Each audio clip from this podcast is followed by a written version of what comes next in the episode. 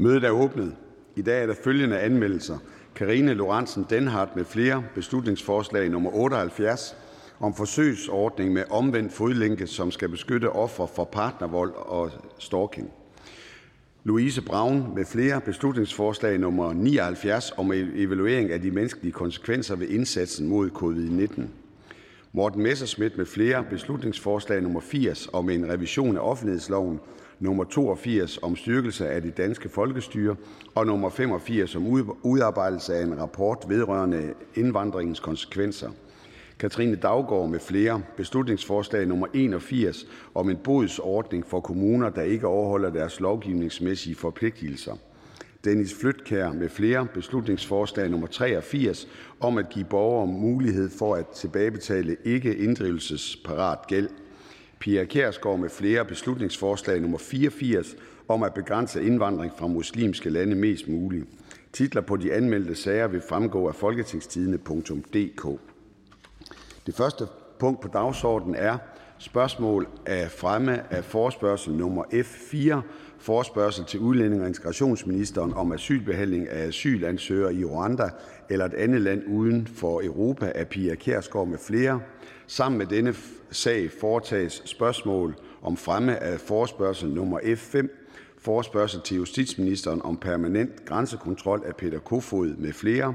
Og spørgsmål om fremme af forspørgsel nummer F 6: Forspørgsel til justitsministeren om at øh, forberede øh, muligheder for at opklare og bekæmpe kriminalitet. Af Peter Kofod med flere. Hvis ingen gør indsigelse mod at fremme disse forespørgsler, betragter jeg Tingets samtykke som givet. Det er givet. Det sidste punkt på dagsordenen er: første behandling af beslutningsforslag nummer B 21: Forslag til folketingsbeslutning om at gøre forbuddet mod minkavl permanent. Af hr. Karl Valentin (Socialistisk Folkeparti), Peder Velblom, (Enhedslisten) og fru Helene Liliendahl Brydensholt (Alternativet) med flere. Ordføreren for forslagsstillerne øh, ønsker at motivere begrundelsen for forslaget, og jeg giver nu ordet til øh, ordfører for forslagsstillerne, hr. Carl Valentin (Socialistisk Folkeparti), og skal sige, at det bliver uden øh, korte bemærkninger. Værsgo. Tak for det, og tak for muligheden for lige kort at motivere forslaget, inden at vi tager hele min tale om forslaget senere. I Socialistisk Folkeparti og Enhedslisten og Alternativet der foreslår vi nu at gøre forbuddet mod minkavl permanent. Det gør vi ikke for første gang. Vi har foreslået det mange gange tidligere, men vi gør det, fordi det er velkendt, at dyrevelfærden i minkproduktionen er rædsom. Vi ved, at der er kæmpe stor miljø- og naturbelastning forbundet med minkproduktionen. Vi ved, at netop intensivt dyrehold som minkavl har nogle ret store problemer med sygdomssmitte og er nogle steder, hvor fremtidige pandemier kan udvikle sig. Vi gør det i det hele taget, fordi vi mener, at det er en kæmpe stor fejltagelse at bruge skatteborgernes penge på at genopstarte et erhverv, som vi potentielt om meget få år skal lukke ned igen på grund af EU-lovgivning. For der er altså meget, der tyder på, at der godt kunne komme et permanent forbud mod minkavl i hele EU inden for kort tid. Så vi mener selvfølgelig ikke, at vi skal starte det her erhverv op igen, og derfor stiller vi nu forslaget om at sikre, at forbuddet, der har været gældende indtil årsskiftet her, det bliver permanent. Tak for ordet. Og vi siger tak til hr. Karl Valentin fra Socialistisk Folkeparti. Forhandlingen er åbnet, og den første, der får ordet, er ministeren for Fødevare, Landbrug og Fiskeri.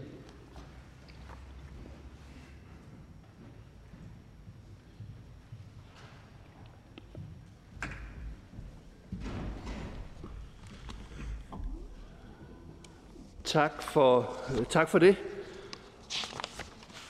Tak for ordet, og også til øh, forslagsstillerne for at øh, fremsætte beslutningsforslaget, øh, som jo så er med til at øh, også skabe opmærksomhed omkring problemstillingen, herunder også med, som der bliver nævnt, dyrevelfærd i minkproduktion med videre.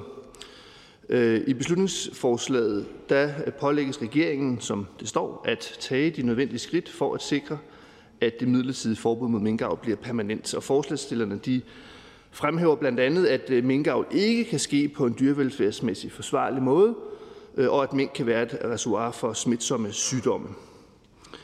Øh, jeg er enig med forslagsstillerne i, at det er vigtigt at sikre hensynet til både dyrevelfærd og folkesundheden. Det gælder helt generelt, og det gælder selvfølgelig også i forhold til, til minkavl. Så lad mig derfor sige det meget klart at minkavl skal selvfølgelig foregå på en forsvarlig måde af hensyn til både dyrevelfærd og folkesundhed, og det gælder generelt også for alle øh, dyr i øvrigt. Og jeg har på den øh, baggrund øh, allerede inviteret en række relevante aktører og interessenter på dyrevelfærdsområdet til at komme med deres viden og holdninger til, hvordan vi bedst griber arbejdet an med at styrke dyrevelfærd i Danmark helt generelt. Og jeg har også holdt møde med Folketingets dyrevelfærdsordfører for også at få øh, deres input øh, til øh, og forslag til indsatser på, på området bredt set. Så det er altså et arbejde, der er i gang, og det skal ses i forhold til, hvad er det for nogle mulige tiltag, der vil give mening, og, og hvad kan være relevant, og vi udelukker ikke noget på forhånd, heller ikke dyrearter, heller ikke mink.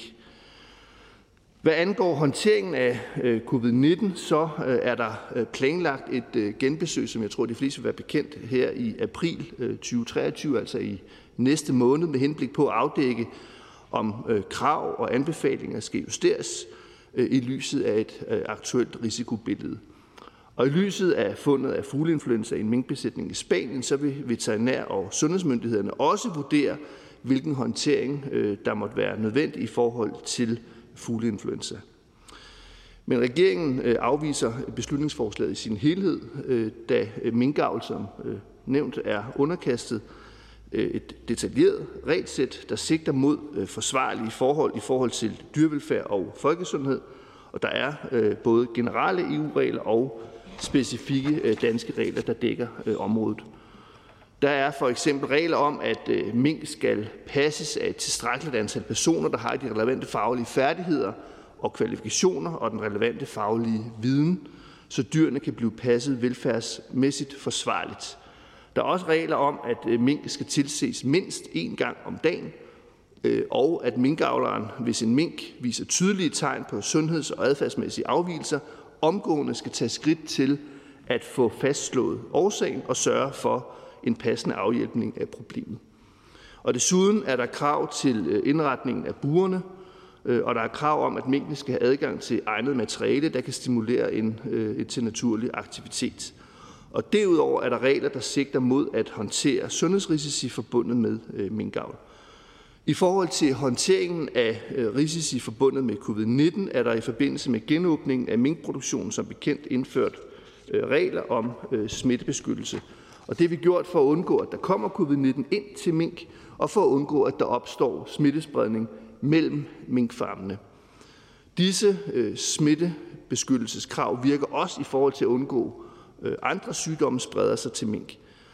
Og der er for eksempel regler om, at overvågning for covid-19 i hver besætning, som indebærer, at øh, 60 mink skal testes hver uge, og desuden skal 60 mink testes for covid-19 ved flytning af mink til anden virksomhed eller ved indførelse af mink fra andre lande.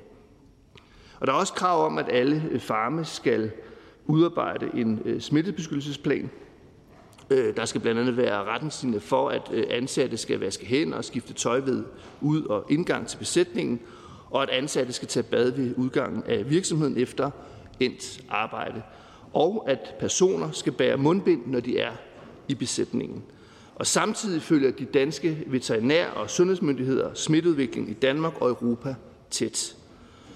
Myndighederne overvåger således alle zoonoser, det vil sige sygdomme, som potentielt kan smitte mellem dyr og mennesker. Øh, med andre ord har vi efter min vurdering også et godt grundlag for løbende at vurdere risici, det er behov for justeringer af krav og anbefalinger i forhold til den aktuelle situation med smitte blandt dyr og mennesker. Bare afslutningsvis vil jeg igen øh, sige tak til initiativtagerne for beslutningsforslaget, øh, også for at have fokus på øh, dyrevelfærden. Det er også noget, der ligger mig på sinde, og når vi taler øh, generelt sammen, øh, også i forhold til minkavl. Men som jeg også har redegjort for, så ser regeringen ikke et forbud mod minkavl som den rette løsning, og derfor afviser regeringen forslaget. Tak for det, og der er en række korte bemærkninger. Den første forord, det er hr. Søren Ikke Rasmussen fra Enhedslisten. Værsgo. Jamen altså, for enhedslisten er det vigtigt både at arbejde med dyrevelfærd og folkesundheden. Og det med dyrevelfærden, det kan jeg godt høre, det kan vi ikke komme langt med i dag. Men hvis man ser på for folkesundheden, så må man jo sige, at myndigheder tidligere har taget fejl. Tilbage i september 2020, der skrev Fødevarestyrelsen i en pressemeddelelse, at der var meget lille risiko for, at mink smitter mennesker med coronavirus. Og så har vi så oplevet en coronasituation, hvor at det jo eskalerede i Nordjylland, og hvor man måtte konstatere, at mink og mennesker kan smitte hinanden frem og tilbage. Nu står vi så i en langt mere alvorlig situation, fordi at man hos mink i Spanien har, øh, har registreret, at mink kan blive smittet af fugleinfluenza. Og fugleinfluenzaen er jo langt dødeligere. Og hvad sker der, hvis fugleinfluenza kommer ind i danske svinebesætninger? Hvad sker der, hvis øh, mink kan smitte mennesker med fugleinfluenza? Så har vi en helt anden situation. Og hvordan vurderer myndighederne så det til? Ja, det er sådan noget, hvor der kun er en risiko mellem 1 og 10 procent. Kan ministeren ikke se, at vi står måske over for et alvorligt problem? Ministeren. Altså, jeg har stor tiltro til øh, vores øh, myndigheder, øh, at de har en faglig vurdering og en løbende vurdering af de øh, risici, der i givet fald måtte være, og at man følger det tæt, som jeg også nævnte. Øh, Øh, og det er noget, både veterinær- og sundhedsmyndighederne gør øh, i Danmark og i Europa. Og derfor mener jeg også, at vi faktisk har et godt grundlag for løbende at vurdere risici, og, og det er behov for justeringer, hvis der skulle være behov for det i de krav og anbefalinger, der bliver givet. Øh, og øh, Dansk Veterinærkonsortiums risikovurdering fra her øh, sidste måned, øh, 28. februar, der fremgik det, at risikoen for mink smittes med fugleinfluenza, den er rigtig lav. Øh, Og det er jo det, jeg tager ned øh, og vurderer. Og igen kommer der også et genbesøg af hele kravene omkring den situation, der er i forhold til, til potentiel smitte. Det genbesøges så her i næste måned, så jeg føler mig godt betrykket af, at vores myndigheder de følger det her så tæt, som det skal gøres. Hr. Søren Rasmussen. Ja, man må bare konstatere, konstatere i forhold til øh, vurderingen af corona, der tog man helt fejl tidligere. Og nu står vi så med en ny sag, hvor man importerer mink fra Spanien. Kan ministeren ikke se, at det er en ret stor gambling, at, øh, at regeringen her står for ved at tillade minkproduktion i Danmark? At man kan have sådan et smittereservoir, hvor at forskellige øh, virer kan, kan mutere og sådan set øh, skade folkesundheden og, og skade, skade andre produktioner lige minkavl? Ministeren. Nej, altså jeg kan jo kun øh, gentage og forholde mig til den vurdering, som vores øh, faglige myndigheder på området de kommer med. Og de kommer med en vurdering ud fra en løbende øh, risikovurdering af, at der er en lav risiko for, at mink bliver smittet med fugleinfluenza. Og det er jo den faglige vurdering og den faglige rådgivning, som jeg forholder mig til. Og det er også på den baggrund, at jeg siger, at nu får vi også kigget øh, her i forbindelse med genbesøget på, er der noget nyt, er der nogle tilpasninger i krav og anbefalinger, jamen så skal vi selvfølgelig øh, kigge ind i det. Og det er jo ikke noget, der ligger langt ud i fremtiden. Det er noget, der ligger allerede næste måned, som bekendt. Hr. Karl Valentin, Socialistisk Folkeparti. Tak. Jeg vil gerne øh, starte med at øh, i hvert fald lige sige tak til ministeren for, at han ikke udelukker, at man øh, kan lave dyrevelfærdsmæssige forbedringer for mink i forbindelse med det kommende arbejde. Øh, det, det vil jeg gerne anerkende. Det synes jeg er godt, og jeg håber, man leverer på det. Øh, men der, der, der stopper min begejstring fra, fra ministerens tale så også, altså fordi ministeren siger, at minkavl skal foregå på en dyrevelfærdsmæssigt ansvarlig måde, og han fremhæver så blandt andet, at minkene skal passes, og, de skal til, og man skal se til dem en gang om dagen. Men uanset hvor meget man ser til dem, så er problemet jo rammerne om den her produktion. Minkene skal leve hele deres liv i et lille bitte bur. Og ministeren er lige nu selv i gang med at udfase burægproduktionen, fordi han mener, det er uetisk at putte høns ind i burer hele deres liv. Kan ministeren ikke forklare mig, hvorfor at det skal være ulovligt, at høns står i burer hele livet, hvorimod at mink, de må gerne? Ministeren.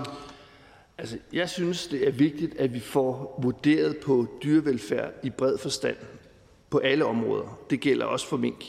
Øh, og det var det, jeg startede med at sige i min indledning, at det er også det, jeg lægger op til i den øh, snak, vi skal have her over foråret. Jeg har også noteret mig øh, de forskellige, hvad kan man sige, vurderinger, der er for minkhold, der har været. Jeg har noteret mig dyretisk råds udtalelse omkring det, men jeg har også noteret mig, at Aarhus Universitet tilbage i 21 lavede en, en vurdering, hvor man kigger på øh, minkhold i Danmark, i forhold til andre lande, og der er vurderingen så, at øh, dyrevelfærden på de danske minkfarme var blandt de bedste minkfarme i de 24 lande i Europa, som man kiggede på.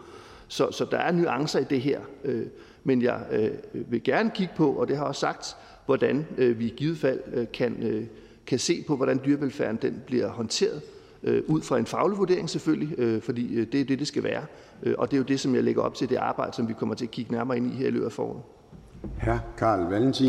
Ministeren svarede desværre ikke rigtigt på mit spørgsmål. Altså, hvorfor er det okay at putte en mink ind i et bur hele livet, hvorimod er det ikke okay at putte høns ind i bur hele livet? Er der nogle særlige karakteristika ved mink, som gør, at de trives rigtig godt i et bur, siden det er okay? Mig bekendt, så er mink jo territorielle rovdyr, der bevæger sig på kæmpe store områder. Dyr med svømmehud mellem tæerne, der jager vildt. Dyr, der har behov for stor udfoldelse. Hvorfor er det okay at putte sådan et dyr ind i et bur, når det ikke er okay med en høne? Ministeren. Altså, det skal jo ses øh, ud fra en faglig vurdering af, hvad der kan lade sig gøre dyreetisk forsvarligt, og hvad der ikke kan. Og hvad er det for noget rodemateriale, beskæftigelsesmateriale, øh, rammer for det i det hele taget, øh, aktiviteter osv., man, man tilbyder. Og det er jo det, som jeg noterer mig, at der er forskellige udtalelser omkring. Dyreetisk råd har talt om noget. Universitetet, Aarhus Universitet har vurderet det øh, på anden vis. Øh, og det er jo det, vi så politisk i sidste ende skal vurdere og sige, hvad er det så, vi synes er den rigtige måde at gøre det på. Øh, og jeg forholder mig i hvert fald til de faglige vurderinger, der kommer, og den rådgivning, som jeg får. Men jeg lægger også op til at kigge på, kan vi gøre noget undervejs, så skal vi selvfølgelig kigge på det med åben sind. Tak, og jeg giver over til hr. Peter Kofod, Dansk Folkeparti. Tak for det, og tak til ministeren for besvarelsen. Jeg vil øh, spørge lidt ind til en anden vinkel, fordi nu er der jo meget fokus på, øh, om erhvervet skal op og stå igen. Og jeg kunne godt tænke mig at vide, hvad man gør for at få afviklet den del, der stadig ikke er lukket. Altså, der er jo stadigvæk minkavlere, der går og venter på, at det økonomiske spor for den beslutning, der blev truffet, at det bliver klaret. Og jeg forstår godt den frustration, der er derude med, at man var meget hurtig til at lukke noget ned, og nu er der altså nogle mennesker, der har haft må man sige, ekstremt stor tålmodighed med at få de penge, de har krav på. Kan ministeren sige noget om, hvornår de kan forvente at få deres penge? Ministeren. Ja, altså som det fremgår af vores øh, regeringsprogram, så skal regeringen, det vil sige mig i det her tilfælde, komme med en model øh, først i det nye år. Og så kan man jo altid sige, hvornår er det det? Men jeg kan sige så meget, at det er noget, der bliver arbejdet stenhårdt på, og jeg forventer at komme med et udspil inden ret længe. Og hvad er så ret længe, det vil jeg ikke komme nærmere ind på, men det er øh, inden for en overskuelig periode. Øh, for jeg deler hr. Peter Kofods kan man sige, øh, vurdering, og også det, jeg hører fra de tidligere minkavlers helt berettigede frustration over, at noget kan gå meget hurtigt, når det lukkes ned, men når der så skal laves en erstatning, så kan det være meget lang tid, der går. Det er en frustration, jeg deler, og derfor har jeg også puttet al den politiske kraft ind i det, som jeg har haft mulighed for, og kommer også med, øh, ikke i morgen, var jeg lige vil sige, men i hvert fald en løsning, som kommer inden for relativt kort tid. Her, ikke mere. Så vil jeg give ord til fru Helene Liliendahl Brydelsholt fra Alternativet. Ja, tak for det. Øhm, ministeren siger i sin tale, at, øh, at det, det er forsvarligt nok at holde mink øh, ud fra et øh, dyrevelfærdsperspektiv, og ministeren øh, siger også i sin samtale med herr Karl Valentin, at, øh, at, øh, at det mener han også kan forsvares og notere sig de udtalelser, der har været. Men i 2021 konkluderede et enigt øh, dyreetisk råd, at det er øh, uacceptabelt at holde mink i bur, og de sagde endvidere, at der ikke findes alternativer til, øh, til de nuværende bursystemer, som øh, i tilstrækkelig grad tilgodeser minkenes velfærd. Så hvis ministeren ikke vil lytte til dyreetisk råd, hvad, hvad skal vi så bruge dyreetisk råd til? Ministeren. Jeg vil så sandelig gerne lytte til dyreetisk råd, ligesom jeg vil lytte til alle mulige andre, som har synspunkter på det her øh, område. Fordi det er et vigtigt område, at vi også kigger på, hvordan vi øh, kan man sige, finder de rigtige balancer i forhold til, hvad det er, der ligger øh, inden for dyrevelfærdsområdet i forhold til det, vi tilbyder. Øh, jeg noterer mig bare også, at nu nævnte jeg før til mit svar, at Aarhus Universitet har vurderet, hvordan vi så indretter os i Danmark, og det var faktisk det bedste i forhold til andre lande rundt omkring i Europa. Jeg noterer mig også, at Fødevarestyrelsen har vurderet, at de gældende regler om dyrevelfærd tager sigte på at afle mink under forsvarlige forhold, det er jo Fødevarestyrelsens faglige vurdering, og det er jo også en faglig vurdering, som jeg selvfølgelig også vil tage ned. Men som jeg også har sagt, jeg er åben over for at kigge på, hvad er der så det, vi kan i fællesskab øh, se på. Er der steder, hvor vi kan gøre det øh, bedre, øh, hvad dyrevelfærden angår, så skal vi selvfølgelig ikke udelukke det. Ønsker spørgeren anden bemærkning? Fru Helene Liliendahl Brydsholt, værsgo. Ja tak. Øh, ministeren øh, nævner så det her studie fra Aarhus Universitet, som så endelig handler om at sammenligne Danmarks øh, behandling af mink med, med lande, andre lande i Europa, og hvordan de behandler mink. Øhm, og der er vi jo så åbenbart lidt bedre end dem. Men faktum er jo, at flere og flere lande i Europa lukker ned for øh, pels, pelsavl og pelsproduktion, og så senest har, har Norge gjort det, og vi har så fået nogle af deres mink øh, her til Danmark. Øhm, er det ikke lidt fjollet, at Danmark åbner op for den her minkproduktion igen? når nu vi er på vej hen til at lukke det helt ned på europæisk plan? Det kommer jo før eller siden. Ministeren. Altså kommer der et EU-forbud, så vil vi jo selvfølgelig fra dansk side forholde os til det. Det siger sig selv. Øh, men jeg synes, at så længe at vi også øh, kan man sige, arbejder inden for rammerne af den faglige rådgivning, der bliver givet i forhold til dyrevelfærden, og det er så det, jeg har refereret til et par gange, og at vi også, jævnføres øh, min samtale med hr. Ike Rasmussen, også har øh, restriktive regler omkring øh, smittespredning og sygdom.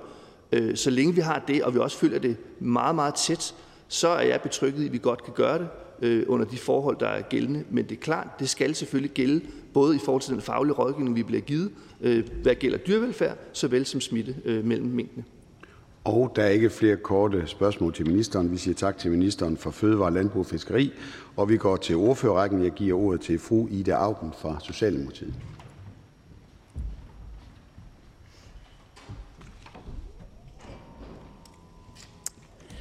Ja, tak for ordet.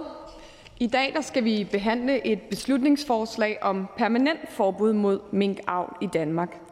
Det er et forslag, som har været behandlet før, og som har været debatteret i forbindelse med det midlertidige forbud mod hold af mink, som var nødvendigt under coronapandemien af hensyn til folkesundheden. Da vi lavede det midlertidige forbehold, så stod, forbud, så stod vi i en helt særlig og ekstraordinær situation i forhold til minkavl. Vi befandt os i en alvorlig pandemi, hvor smitten udviklede sig med hastig fart, og aflivning af mink var nødvendig af hensyn til folkesundheden. Derfor tog man den beslutning, som man gjorde tilbage i november 2020, og indførte et midlertidigt forbud mod hold af mink i Danmark. Hensynet bag forbuddet er altså og har hele vejen igennem været folkesundheden. Ved årsskiftet så udløb det midlertidige forbud mod minkhold, for inden der kom Statens Serum Institut med en opdateret vurdering af situationen. Det er SSI's vurdering, at den afledte samfundssmitte ved minkproduktion vil have begrænset risiko for folkesundheden, når der samtidig etableres en række nye smitteforebyggende tiltag. Derfor var det forsvarligt at lade det midlertidige forbud udløbe og lade de minkavler, der ville, starte produktionen op igen, sådan som vi aftalte i en meget bred kreds i Folketinget. Med dagens beslutningsforslag der ønsker forslagsstillerne så i stedet at gøre forbuddet permanent, primært med henvisning til et andet hensyn end folkesundheden, nemlig dyrevelfærd.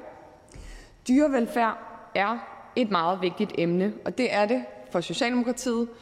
Vi er opmærksom på, som beslutningsforslaget nævner, at det dyreetiske råd i november 2021 offentliggjorde en udtalelse om vilkår for minkavl i Danmark. Den kigger vi også øh, grundigt på, og som ministeren siger, så har vi mulighed for at drøfte en række dyrevelfærdsspørgsmål her den kommende tid. Øh, og vi noterer os, at ministeren har indkaldt Folketingets partier til møde om dyrevelfærd. Hensynet bag det midlertidige forbud var i midlertid folkesundheden. Og når SSI nu vurderer, at det ikke længere er den samme risiko, så mener vi ikke, at forbuddet skal gøres permanent. Og på den baggrund kan Socialdemokratiet ikke støtte beslutningsforslaget. Tak for ordet. Tak for det, og der er en række korte bemærkninger. Jeg giver ordet først til hr. Søren Ege Rasmussen fra Enhedslisten. Ja, nu lægger ordføreren vægt på det med, med folkesundheden i det der corona-seance, vi var igennem, og hvor, hvor man jo må konstatere, at myndighederne i en periode tog fejl, at man ikke troede, at øh, corona kunne smitte ind i minkbesætninger. Og det accelererede så i Nordjylland på et tidspunkt, øh, Øh, som havde stor betydning for, for befolkningen. Nu står vi så med en situation, hvor fugleinfluenza er kommet ind i minkbesætninger i Spanien. Og øh, ordføreren refererer ligesom til, hvad, hvad forslagsstillerne lægger vægt på. Vi lægger altså også vægt på folkesundheden. Og den øh, store risiko, der er ved, at man har sådan et øh, potentielt smittereservoir. Og det er da korrekt, at der er lavet nogle restriktioner i forhold til corona, men der er jo ikke indtil nu lavet noget, som som øh, laver opfølgning på det i forhold til fugleinfluenza ind i minkbesætninger. Kan ordføreren ikke se, at det er en, en gambling, at man, man går ind i, når man har sådan flere og flere minkbesætninger i Danmark? Hvis man virkelig skal prioritere folkesundheden, er det så ikke at, at gå i retning af at få et forbud? Ordføreren. Mange tak. Jamen, øh, vi deler fuldstændig enhedslistens opmærksomhed på fugleinfluenza og på den øh, risiko, der kan være. Som jeg forstår det, og jeg er altså ikke ekspert på det her, jeg er ikke veterinæruddannet, men så er det de samme forbehold, man tager med fugleinfluenza, som man tager med øh, covid-19, altså at man kigger på, at man vasker sig på vej ind og ud af, af farmene, at man har en række beskyttelsesværnemidler og andre ting. Så øh, mig bekendt er det de samme forbehold, og jeg vil også tro, det er derfor, at Dansk Veterinærkonsortium øh, allerede altså i februar i år vurderet, at risikoen for smitte er meget lav. Hr. Søren Ege Rasmussen. Ja, det kan godt være, at man, man kunne tage de samme restriktioner, men når man så har med en sygdom at gøre, som er øh, langt mere farlig at få, hvor dødeligheden er langt større, så synes jeg ikke bare, man kan sige, at man ligesom kan tage de samme restriktioner. Altså, hvad vil der ske, hvis fugleinfluenza begyndte at, at, at, at sprede sig ind i danske svinebesætninger? Altså, så, så, så står vi altså med noget, der er temmelig alvorligt. Kan ordføreren ikke se, at, at man er nødt til ud fra de der spanske erfaringer at være lidt mere restriktiv? Ordføreren. Jamen, jeg, er med, jeg er meget enig i, at vi skal være ekstremt restriktive på det her område, og det er også derfor, der er blevet skruet voldsomt op for øh, foranstaltningerne på det her område. Jeg vil også sige, at jeg håber sådan set, at vi har lært noget af covid-19. Jeg tror, der er andre lande, der har kigget på os i tidens løb og synes, vi måske har taget lidt let, fordi de har prøvet nogle af de her pandemier. Så jeg oplever, at der er et helt samfund, der er blevet utrolig meget mere opmærksom på nogle af de risici, der er. Øh, og derfor så vurderer jeg og stoler på myndighedernes vurdering i den her sag, fordi vi faktisk alle sammen har, har lært en stor lektie i den her øh, tid. Tak. Hr. Karl Valentin, Socialistisk Folkeparti.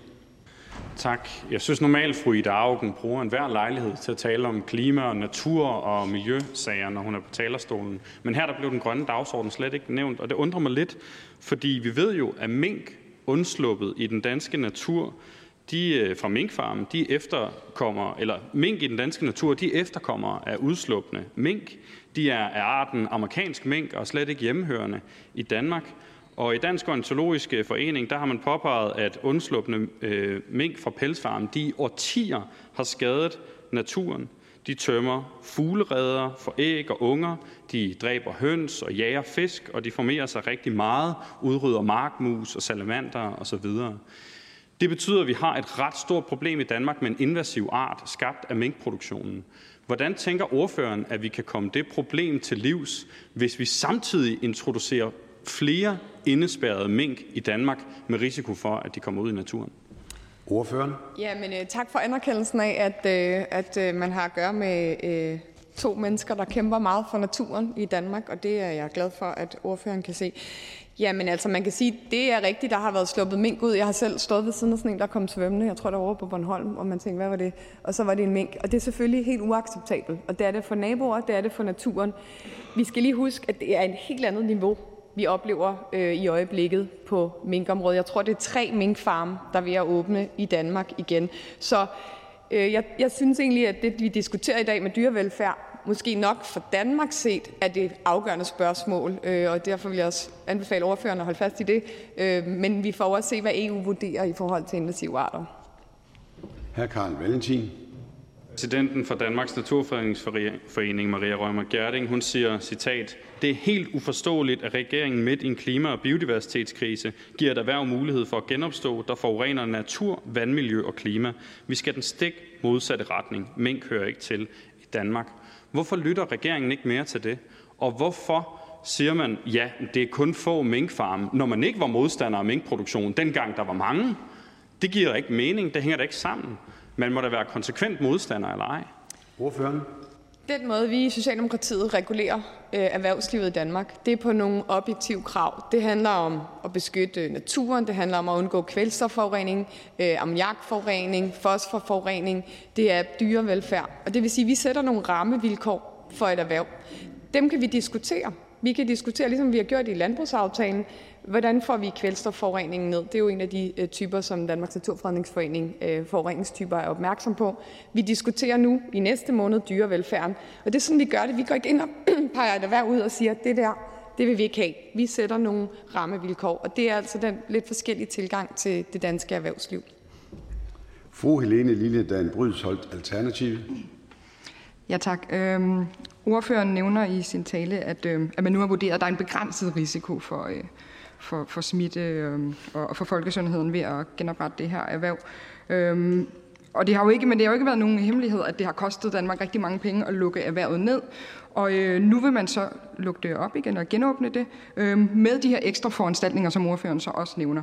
Øh, og de øh, kommer så til at koste 28,5 millioner, har Miljøministeriet øh, oplyst mig. Og øh, alternativet er det, det er i hvert fald det, der budgetteres med.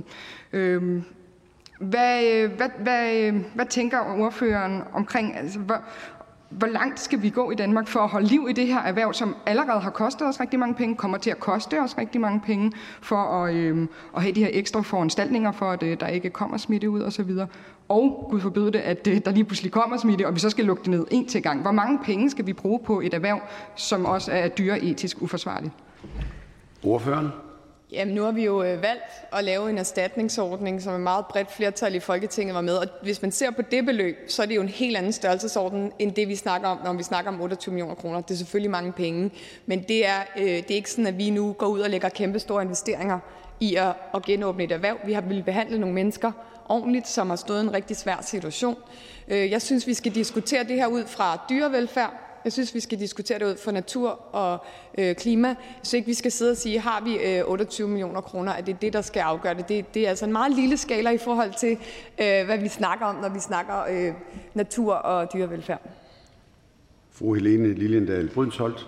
Jamen tak. Øhm, jamen så lad os diskutere dyrevelfærd. Øhm, mener ordføreren, at det er dyrevelfærdsmæssigt forsvarligt at, øh, at, holde, at holde dyr i, i buer, der svarer til øh, en størrelse af to opslåede aviser, øh, hvor de går rundt på metaltrammer, når de egentlig har svømmehud mellem øh, fingrene og, og burde svømme rundt i åer og i floder, og de øh, er normalt er territoriale dyr og skal have flere kvadratkilometer og boldre sig på. Er det dyreetiske forsvarligt i ordførens øjne? Ordføreren? Ja, igen, så er jeg ikke veterinæruddannet, og det er ikke mig, der kan vurdere de her ting. Det har vi jo myndigheder til at vurdere. Øh, Dyretisk Råd peger på sådan nogle ting som gruppeindhusning af mink. De peger på sådan noget som forbud mod fodring af avlsdyrene, øh, eller restriktiv fodring af avlsdyrene inden avl. Øh, sådan nogle ting er jo noget af det, man kunne diskutere i en, øh, i en kommende aftale om dyrevelfærd, som ministeren har åbnet op for. Så øh, for mig at se, så handler det om at lave nogle konkrete, reelle forbedringer, hvis det er, at, øh, at der er en faglig vurdering af, at det vil være det rigtige at gøre. Og der er ikke flere korte bemærkninger. Vi siger tak til fru Ida Augen, og jeg giver nu ordet til hr. Torsten Schack Pedersen fra Venstre.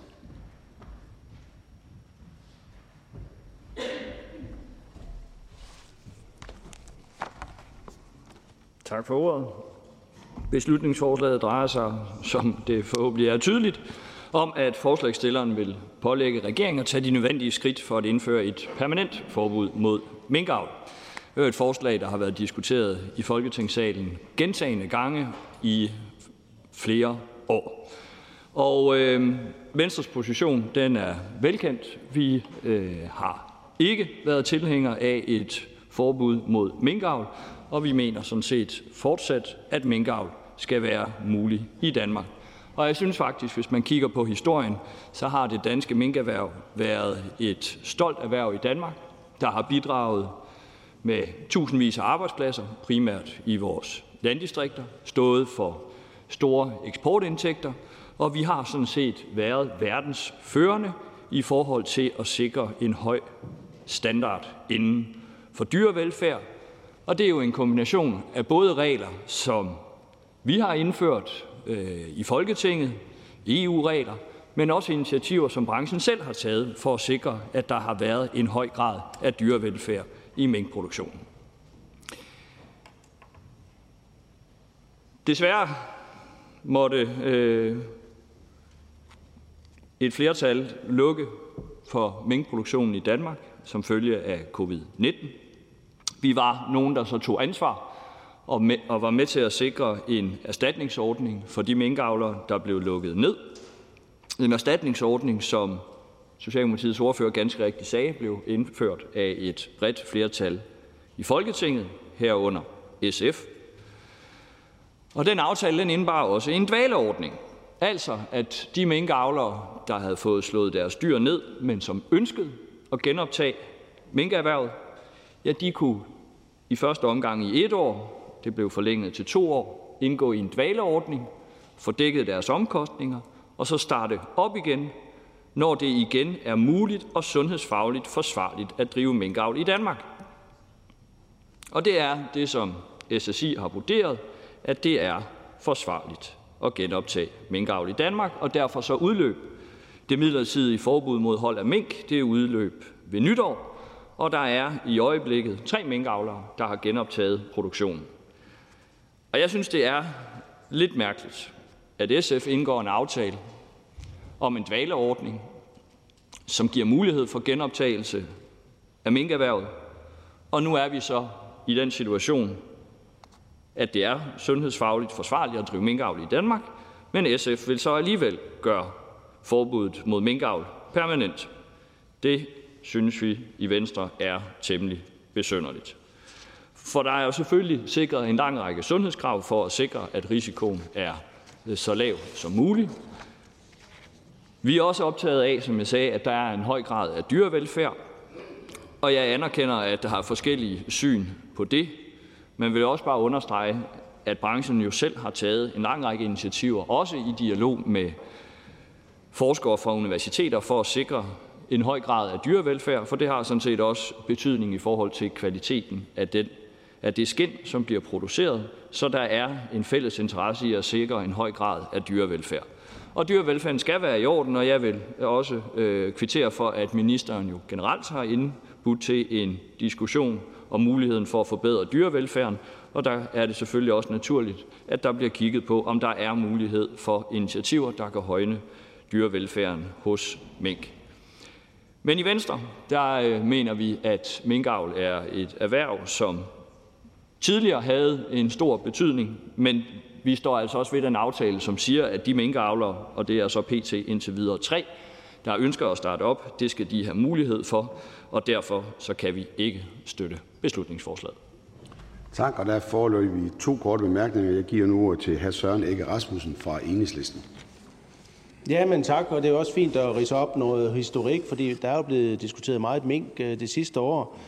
Og jeg vil så konstatere, at øh, Venstres nuværende statsminister er sluppet for en ekstra minkundersøgelse, da Venstre fik øh, både ministerposter og ministerbiler. Så vi får ikke øh, rodet op i hele forhistorien, men det, der nu sker. Øhm, med hensyn til, til dyrevelfærden, altså helt ærligt, Minkavlerne har indført, at der skal være sådan en plastikrør og en håndfuld halm om, om dagen. Det er, altså ikke, det er altså ikke nok til, at vi kommer frem til, at øh, dyrevelfærden omkring mink er forsvarlig. Det kan man se øh, ud fra det, øh, Dyretisk Råd har udtalt. Jeg kunne godt tænke mig at få ordføreren til at forholde sig til, at myndigheden indimellem tager fejl. Fordi man troede jo ikke, at corona kunne smitte ind til mink. Nu har vi en situation i Spanien, hvor fugleinfluenza er blevet registreret i minkbesætninger, og det har været dødeligt for, for de mink. Kan ordføreren ikke se, at der kan være en meget stor risiko ved at have sådan et smittereservoir i Danmark, som ikke bare kunne være for corona, men også kunne være for fugleinfluenza? Ordføreren? Der blev lavet øh, grundige vurderinger både af SSI og øh, Dansk Veterinærinstitut forud for, at forbuddet mod hold af mink det udløb. Og der vurderede man meget, meget grundigt i forhold til, jamen, hvad er risikoen ved genoptagelse af mink. Det var jo også vurderet i forhold til, hvor mange avlere der startede op. Øh, og samtidig blev der også stillet krav om en række foranstaltninger for at sikre, at risikoen var så lav som muligt. Øh, og øh, jeg kan øh, på samme måde som Socialdemokratiets ordfører sige, at øh, min øh, veterinærfaglige uddannelsesbaggrund den er yderst, yderst beskeden. Øh, men jeg må sige, at når der er taget øh, de initiativer fra sundhedsmyndighedernes side, så er det jo med henblik på at mindske risikoen mest muligt, og det er jeg sådan set øh, ganske tryg ved. Plus, som ministeren nævnte, så vil de nye regler, der er gældende fra nytår af, vil blive genbesøgt. Jeg tror at allerede, det er i april måned, således man er sikker på, at der er styr på sundheden. Hr. Søren Ege Rasmussen. Ja, myndighederne har jo tidligere taget fejl. Og med hensyn til fugleinfluenzaen i, i minkbesætninger, der vurderer man jo, at der kan være en, en risiko på 1-10% for, at øh, fugleinfluenzaen kunne komme ind i en minkbesætning. Og det synes jeg, der er alarmerende. Man kan godt sige, at det er nogle små procenter, men, men det er nogle procenter. Det er en del af virkeligheden. Og jeg synes, at, at vi skylder at også at tage et hensyn til andre produktionsgrene i Danmark. Altså den her fugleinfluenza smittet ind i en øh, svinebesætning. Og det, det er spredt til andre svinebesætninger. Kan ordføreren ikke se, at vi løber en risiko ved at have sådan et smittereservoir i Danmark i minkbesætningerne? Ordføreren? Der er jo ingen tvivl om, at i et, i et land som Danmark, hvor vi har en en stor landbrugsproduktion, hvor, øh, hvor landbruget spiller en, en vigtig rolle i at skabe øh, 10.000 vis af arbejdspladser, sikre, at der er liv øh, Øh, i vores landdistrikter, der skal vi naturligvis være meget opmærksomme på, at vi har styr på, at der ikke kommer smitsomme sygdomme ind i vores øh, husdyrproduktion. Og øh, det vil sige, det er jo ikke en situation, der er opstået for nylig. Det er jo en, en generel øh, diskussion og et generelt advarselspunkt. Og derfor er det jo noget, der bliver forfulgt meget, meget nøje, fordi det er voldsomt økonomisk dyrt, og der kan også være sundhedsmæssig risiko, hvis vi sidder på hænderne og lader, som om ingenting øh, sker. Hr. Carl Valentin, Socialistisk Folkeparti. Tak. Hr. Torsten Schack undrer sig lidt over SF's position i forhold til dvaleordningen, men det skyldes måske, at ordføreren ikke helt har fanget, hvad SF egentlig har gjort i den her sag, fordi Socialistisk Folkeparti var ikke med til at lave dvaleordningen for 2022. I den aftale, vi lavede, var det kun for 2021, og så valgte Socialdemokratiet sammen med højrefløjen at udvide dvaleordningen. Det vil sige, at hvis det stod til os, så havde der ikke været mulighed for at være i dvale i 22 og starte op nu, og vi har aldrig stemt for det. Øh, og, øh, og derfor så synes jeg, at ordføreren her øh, skriver historien lidt forkert. Men jeg kunne egentlig godt tænke mig at høre, nu øh, begrunder øh, fru Ida Augen ligesom øhm, øh, hele opstarten øh, med, at det er okay, fordi produktionen er lille, så har produktionen ikke så stor betydning for naturen. Betyder det så, at regeringen vil have et problem med, hvis at produktionen vokser, og at der kommer mange flere minkavlere med tiden, eller vil man ligesom sætte et loft over det? Ordføreren? Jeg synes, SF skal stå ved den aftale, der blev indgået den 25. januar 2021. Og i den står der, at det er muligt at genopstarte minkerhvervet, når der ikke er sundhedsfaglige bekymringer herom. At SF så øh, vælger at springe og så sige, okay, øh, nu skal det midlertidige forbud forlænges med et år, det vil man så ikke være med til.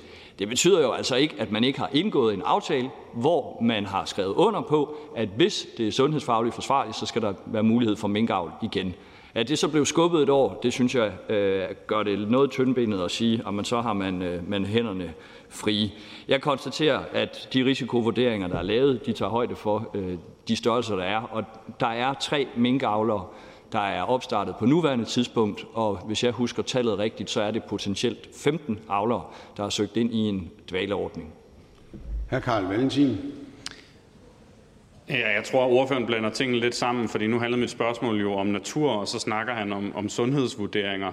Altså, der er jo store konsekvenser for naturen, når mink de slipper ud, fordi mink er en invasiv art. Og det var netop derfor, at fru Ida Augen sagde, ah, at produktionen er lille, så derfor er det ikke så stort et problem for naturen. Og derfor så vil jeg gerne spørge igen, hvis at produktionen vokser, det behøver ikke kun være dem på dvaleordningen. Det kan jo også være nye minkavlere, der kommer til, og at over de kommende år, så bliver den større og større. Vil det så være et problem for naturen? Vil regeringen sætte en stopper for det, eller synes man, det er fint nok? Ordføreren? Der er ingen tvivl om, at der har været problemer med løsluppende mink. Der er nok også nogen, der er blevet hjulpet til at være løsluppende, hvis man kan huske, hvad der har været vist i medierne igennem årene. Og hvis jeg nogenlunde husker øh, tallene korrekt, så er antallet af mink, der bliver skudt i naturen, det er markant lavere i dag, end det var for 10 år siden. Og det er der jo nok den simple årsag til, at reglerne omkring indhegning i en minkfarm er blevet skærpet gevaldigt, således at risikoen for, at dyrene slipper ud, den er blevet markant mindre. For selvfølgelig skal mink være på en minkfarm og skal ikke ud i naturen. Og derfor har vi skærpet øh, kravene, og derfor konstaterer jeg bare, at der skydes betydeligt færre vilde mink eller mink i den vilde natur i dag, end der gjorde for bare 10-15 år siden. Fru Helene Liliendal Brydensholt, Alternativ.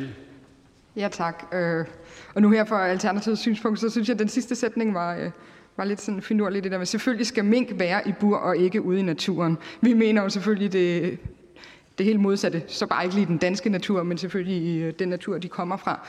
Øh, men jeg kunne godt tænke mig at høre øh, ordføreren, og jeg synes egentlig også, det siger meget om ordførens og, og ordførens partis syn på dyr.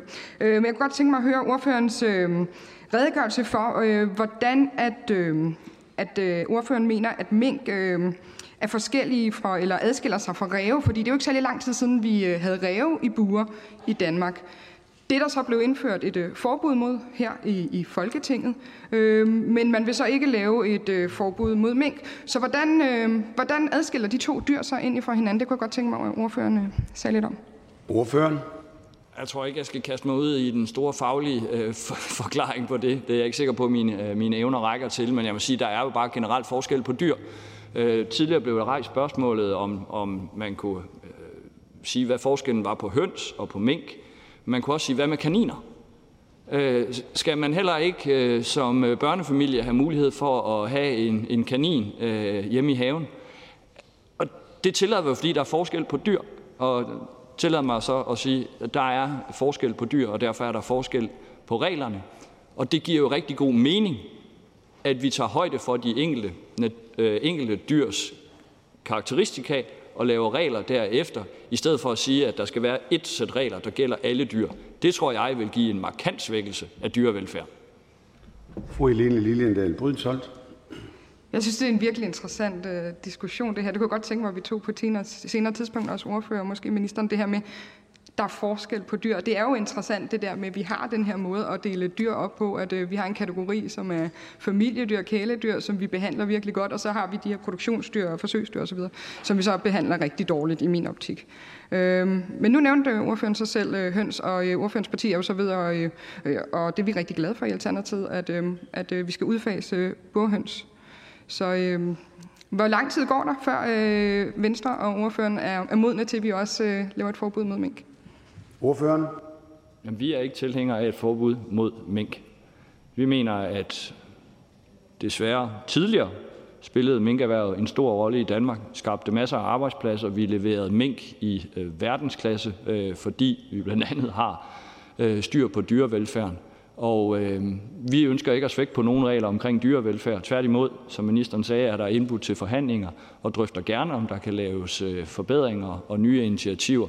Men at øh, Alternativet og Enhedslisten i en årrække har ønsket et forbud mod mink, det er jo en gammel nyhed, og vi er så nogen, der samtidig synes, at minkavl fortsat skal være tilladt i Danmark.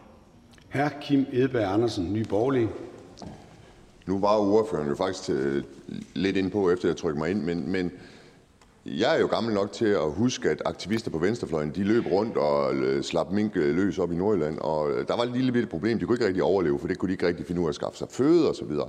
Og resten de blev skudt af jæger. Vil, vil og så hører jeg så argumentet nu, at det, der er et stort problemstilling, det er, hvis mink de kommer, kommer ud i naturen nu, hvis der slipper en enkelt vildfarm igennem de dobbelt hegn. Men vil ordføreren ikke bare lige øh, følge op på, er det ikke korrekt, at tidligere dengang, at mink kom ud i naturen, fordi aktivister på venstrefløjen, de slap dem ud, der var der langt flere mink i naturen, end der var nu med de øh, få mink, som slipper ud ved et uheld nu? Ordføreren? Det er bestemt en opfattelse, jeg kan bekræfte, at øh, det var for mig helt vanvittigt, at man i en, øh, i en kamp mod minkavl så var så aktivistisk, at man brød ind på farme.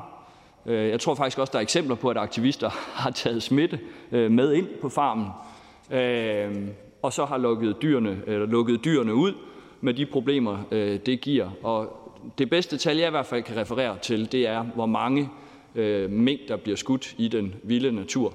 Og, øh, og det tal er altså øh, faldet ganske betragteligt, fordi der både er lavet meget mere overvågning på de nu desværre øh, tidligere farme for at beskytte sig mod øh, ulovlig indtrængning, men jo også fordi reglerne til indhegning er blevet skærpet, således at skulle der slippe et dyr ud af et bur, jamen så er der altså flere forhindringer, inden adgang til den fri natur øh, rammes.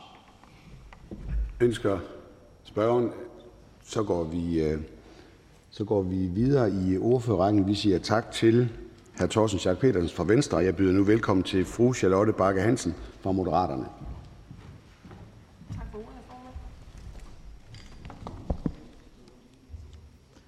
Mange tak for ordet, og tak til dem af jer, der har fremsat forslaget. Det er vigtigt, at vi generelt har opmærksomhed på dyrevelfærd. Og det gælder alle dyr, ikke kun mink. Som de fleste andre, så er jeg tilhænger af, at alle dyr, herunder selvfølgelig også produktionsdyr, har det godt. Og jeg ved, at der allerede er holdt møde med Folketingets dyrevelfærdsordfører, så deres og jeres input de bliver hørt i forhold til nye indsatser på dyrevelfærdsområdet. Det betyder også, at der allerede pågår et arbejde i forhold til at se på mulige dyrevelfærdstiltag. Og det er rigtig godt. I forhold til smitte og covid-19, så ved vi, at mink er modtagelige over for en række sygdomme. Derfor er det også ved genopstart af minkproduktionen også indført omfattende krav, som selvfølgelig skal minimere muligheden for at bringe smitte med ind til minken. Og det har min ordførerkollegaer allerede redegjort for, og ministeren ned i detaljer for, hvilke ting, der er blevet indført. Det er vigtigt, at myndighederne fortsat følger smitteudviklingen i Danmark, og at kraven til avl af mink løbende adopterer de anbefalinger, som eksperter og sundhedsmyndigheder de kommer med. Fordi minkavl og produktion ligger under for en meget detaljeret regelsæt, er der allerede taget forbehold for både dyrevelfærds- og folkesundhedsmæssige forhold, så derfor afviser Moderaterne forslaget. Jeg er glad for, at forslagsstillerne kærer sig om dyrevelfærd, som også er utrolig vigtigt for os i Moderaterne. Og hertil vil jeg gerne understrege, hvor vigtigt det er, at vi for fremtiden fortsat sætter dialogen med hinanden og fødevaresektoren om selv sange emne. Jeg tror på, at dem, der har mink og avler mink, kærer sig om deres dyr på lige fod, som alle andre gør, er, er med på, at vi fremadrettet skal se, hvordan vi kan løse og gøre forholdene bedre, også inden for det her erhverv og på alle andre eller dyrevelfærdsområder. Så en opfordring til, øh, til forslagsstilleren, at vi arbejder progressivt fremadrettet for at øge incitamentet for, at alle dyr i Danmark, uanset art, har det godt. Og der er en række korte bemærkninger. Jeg giver ordet til hr. Carl Valentin, Socialistisk Folkeparti. Ja, tak. Jamen, tak for talen. Øh, Moderaternes ordfører siger, at øh, dyrevelfærd er rigtig vigtigt for Moderaterne. Og ordføreren siger også, at alle dyr skal have det godt, og man vil gerne have flere initiativer på området. Og derfor så vil jeg gerne stille det spørgsmål, som alle ordfører drømmer om at få, når de står på den her talerstol, nemlig, hvad er ordførens mærkesager? Hvad er ordførens mærkesager på dyrevelfærdsområdet, og hvad vil man gerne gennemføre fra Moderaternes side? Ordføreren. Vi har ikke et enkelt og en enkelt mærkesag på dyrevelfærd. Men jeg tænker, at de fleste her i Folketinget og alle ordfører på det her område ønsker, at vi har den bedst faglige, underbyggede øh, dyrevelfærdspolitik, samtidig med, at vi nytænker på, hvordan vi kan gøre forholdene bedre for alle vores dyr. Så en øh, decideret mærkesag, det har vi ikke. Men vil vi arbejde for dyrevelfærd generelt, som jeg ikke tænker er noget banebrydende. Jeg tænker, at alle partierne her i salen øh, kan købe ind på den præmis. Hr. Karl Valentin. Og grunden til at spørge, det er jo fordi, øh, nu bliver det nævnt, at det er et rigtig vigtigt område for Moderaterne, og det er også et rigtig vigtigt område for mig, men så tænkte jeg også, at det var muligt for Moderaterne at komme med noget konkret politik, man gerne ville have ændret.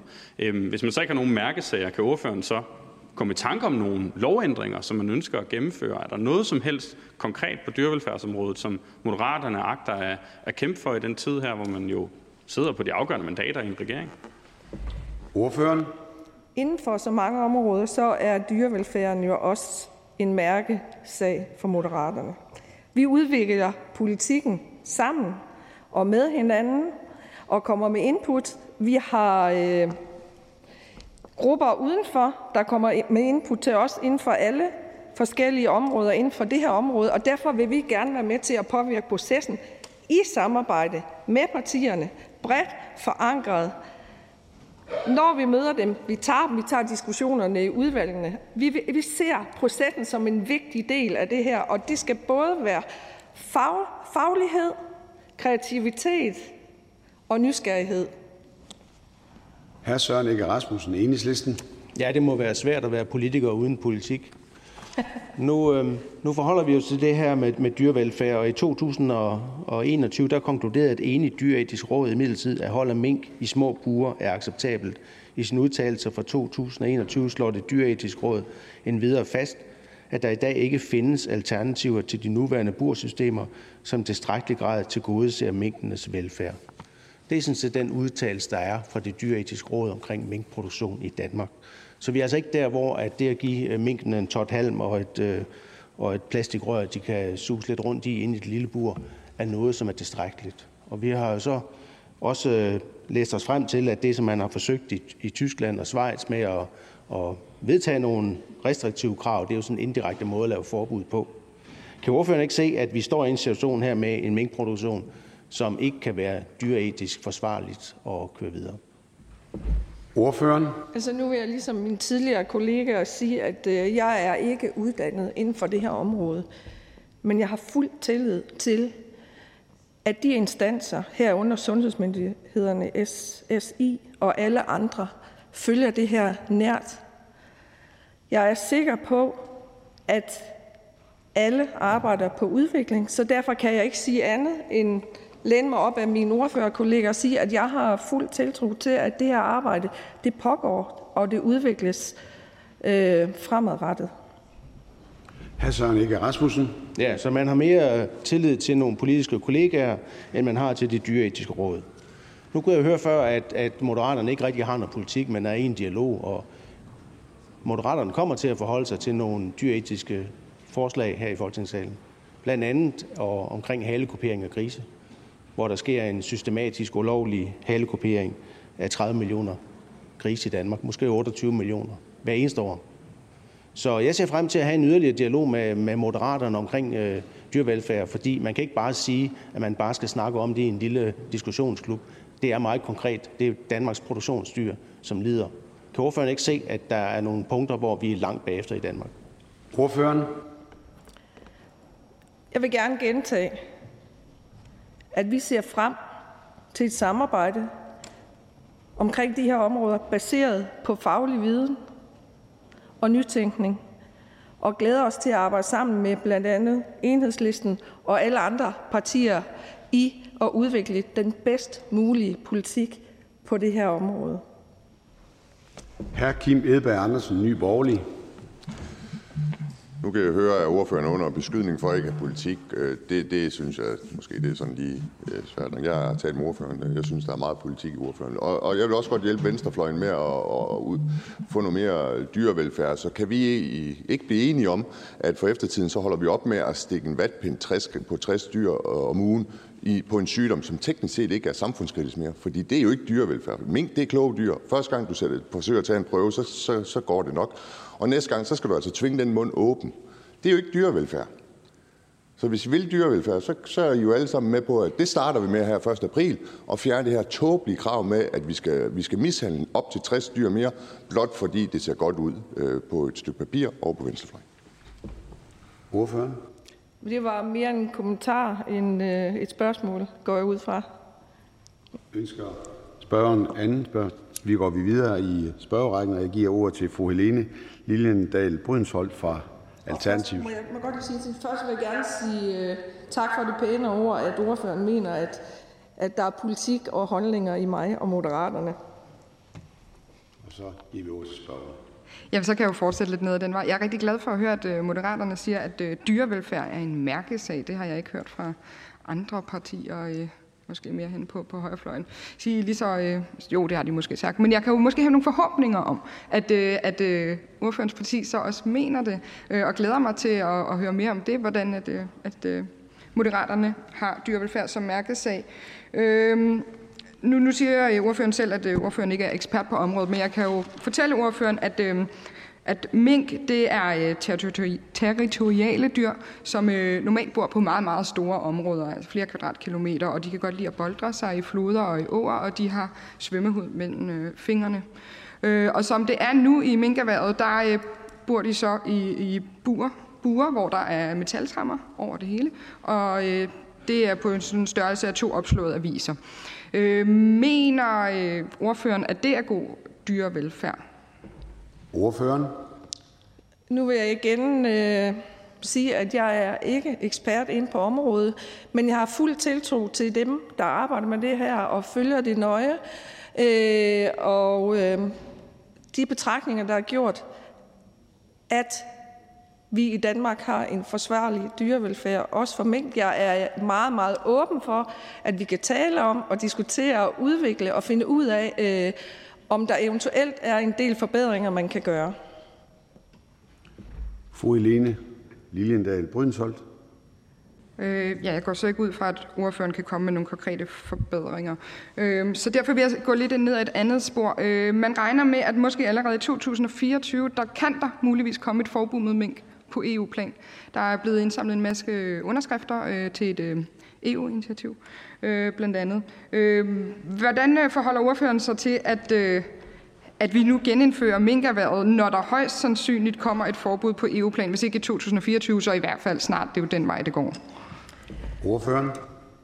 Der er her i Folketinget i den periode, hvor Moderaterne ikke øh, var repræsenteret, øh, lavet en ordning, en dvæleordning, hvor man alle partierne har aftalt, at øh, når det var sundhedsmæssigt forsvarligt, så åbnede man for minkproduktionen igen.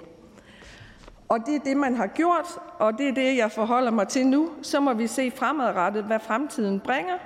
Og jeg håber stadigvæk på, og jeg ved, at både i regeringspartierne ligger det også utrolig meget på sinde, at alle de dyr, vi har i Danmark, herunder også produktionsdyr, øh, har det godt. Og der er ikke flere korte bemærkninger til ordføreren. Vi siger tak til fru Charlotte Bakke Hansen fra Moderaterne, og jeg byder nu velkommen til hr. Christian Bøsted fra Danmarksdemokraterne.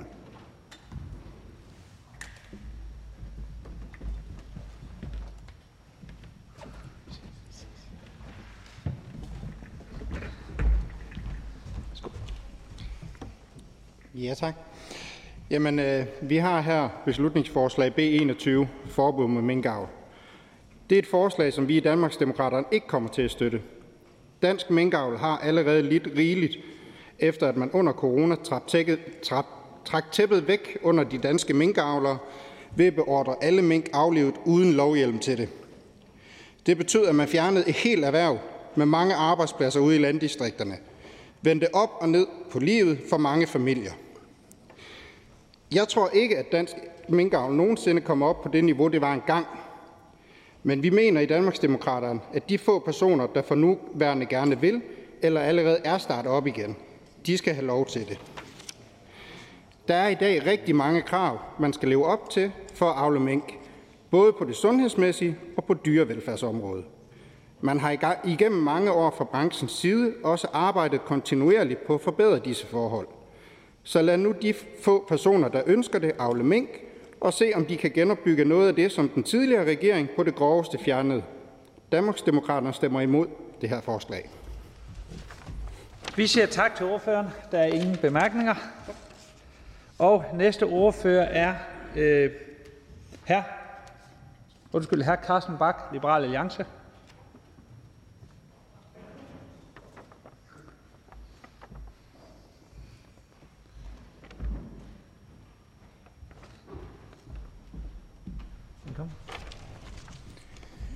Tak, hr. formand. Det er sådan, i hvert fald for mig, og sikkert også for mange andre, at øh, når ens livssituation den ændrer sig markant, så kan det være en god idé lige at tage et tjek på ens forsikringsforhold, for at være helt sikker på, at de nu også er assur. Og hvorfor siger jeg så det? Jamen det gør jeg, fordi uden at jeg dog vil øh, ribe op i øh, fortiden, øh, vil sige, at man jo nok må konstatere, at situationen for minkerhvervet har ændret sig markant de seneste år. Og det er derfor også en øh, meget god idé, at vi her i Folketinget også sikrer os, at de regulatoriske forhold for minkavl i Danmark er assur. Og derfor også en stor tak til forslagsstillerne for at bringe emnet op her i øh, Folketingssalen, hvor det jo faktisk er vigtigt, at vi kan debattere, også som det er tilfældet her, ting, der har en lidt voldsom historik øh, og øh, jo også en del følelser involveret.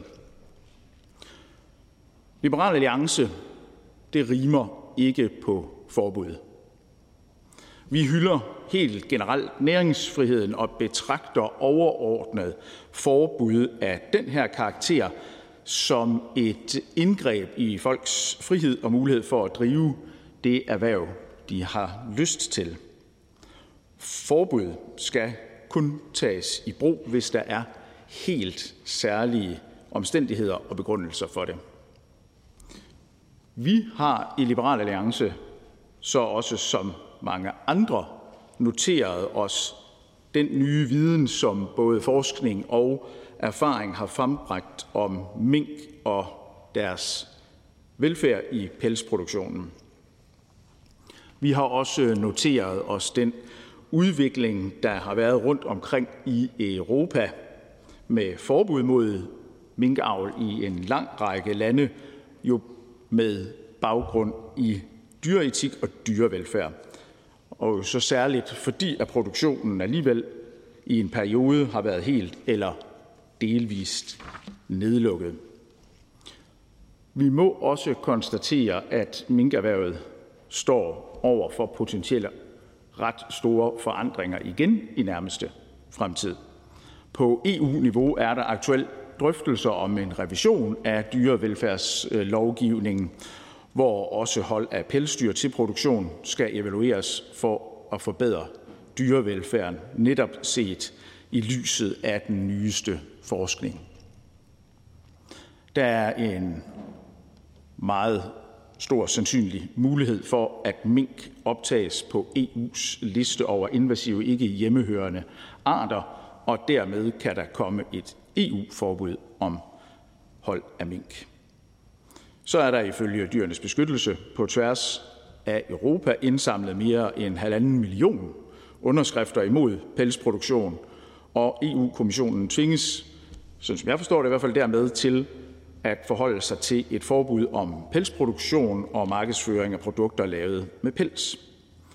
Og derfor mener vi i Liberal Alliance, at vi skal afvente og følge et EU-spor i den her sammenhæng og afvente en afklaring af de ovennævnte forhold på EU-niveau, og først derefter foretage den nødvendige tilpasning af de regulatoriske forhold for minkavl i Danmark, og derfor afviser Liberal Alliance beslutningsforslaget. Tak. Der er et par korte bemærkninger. Den første er til hr. Søren Egge Rasmussen.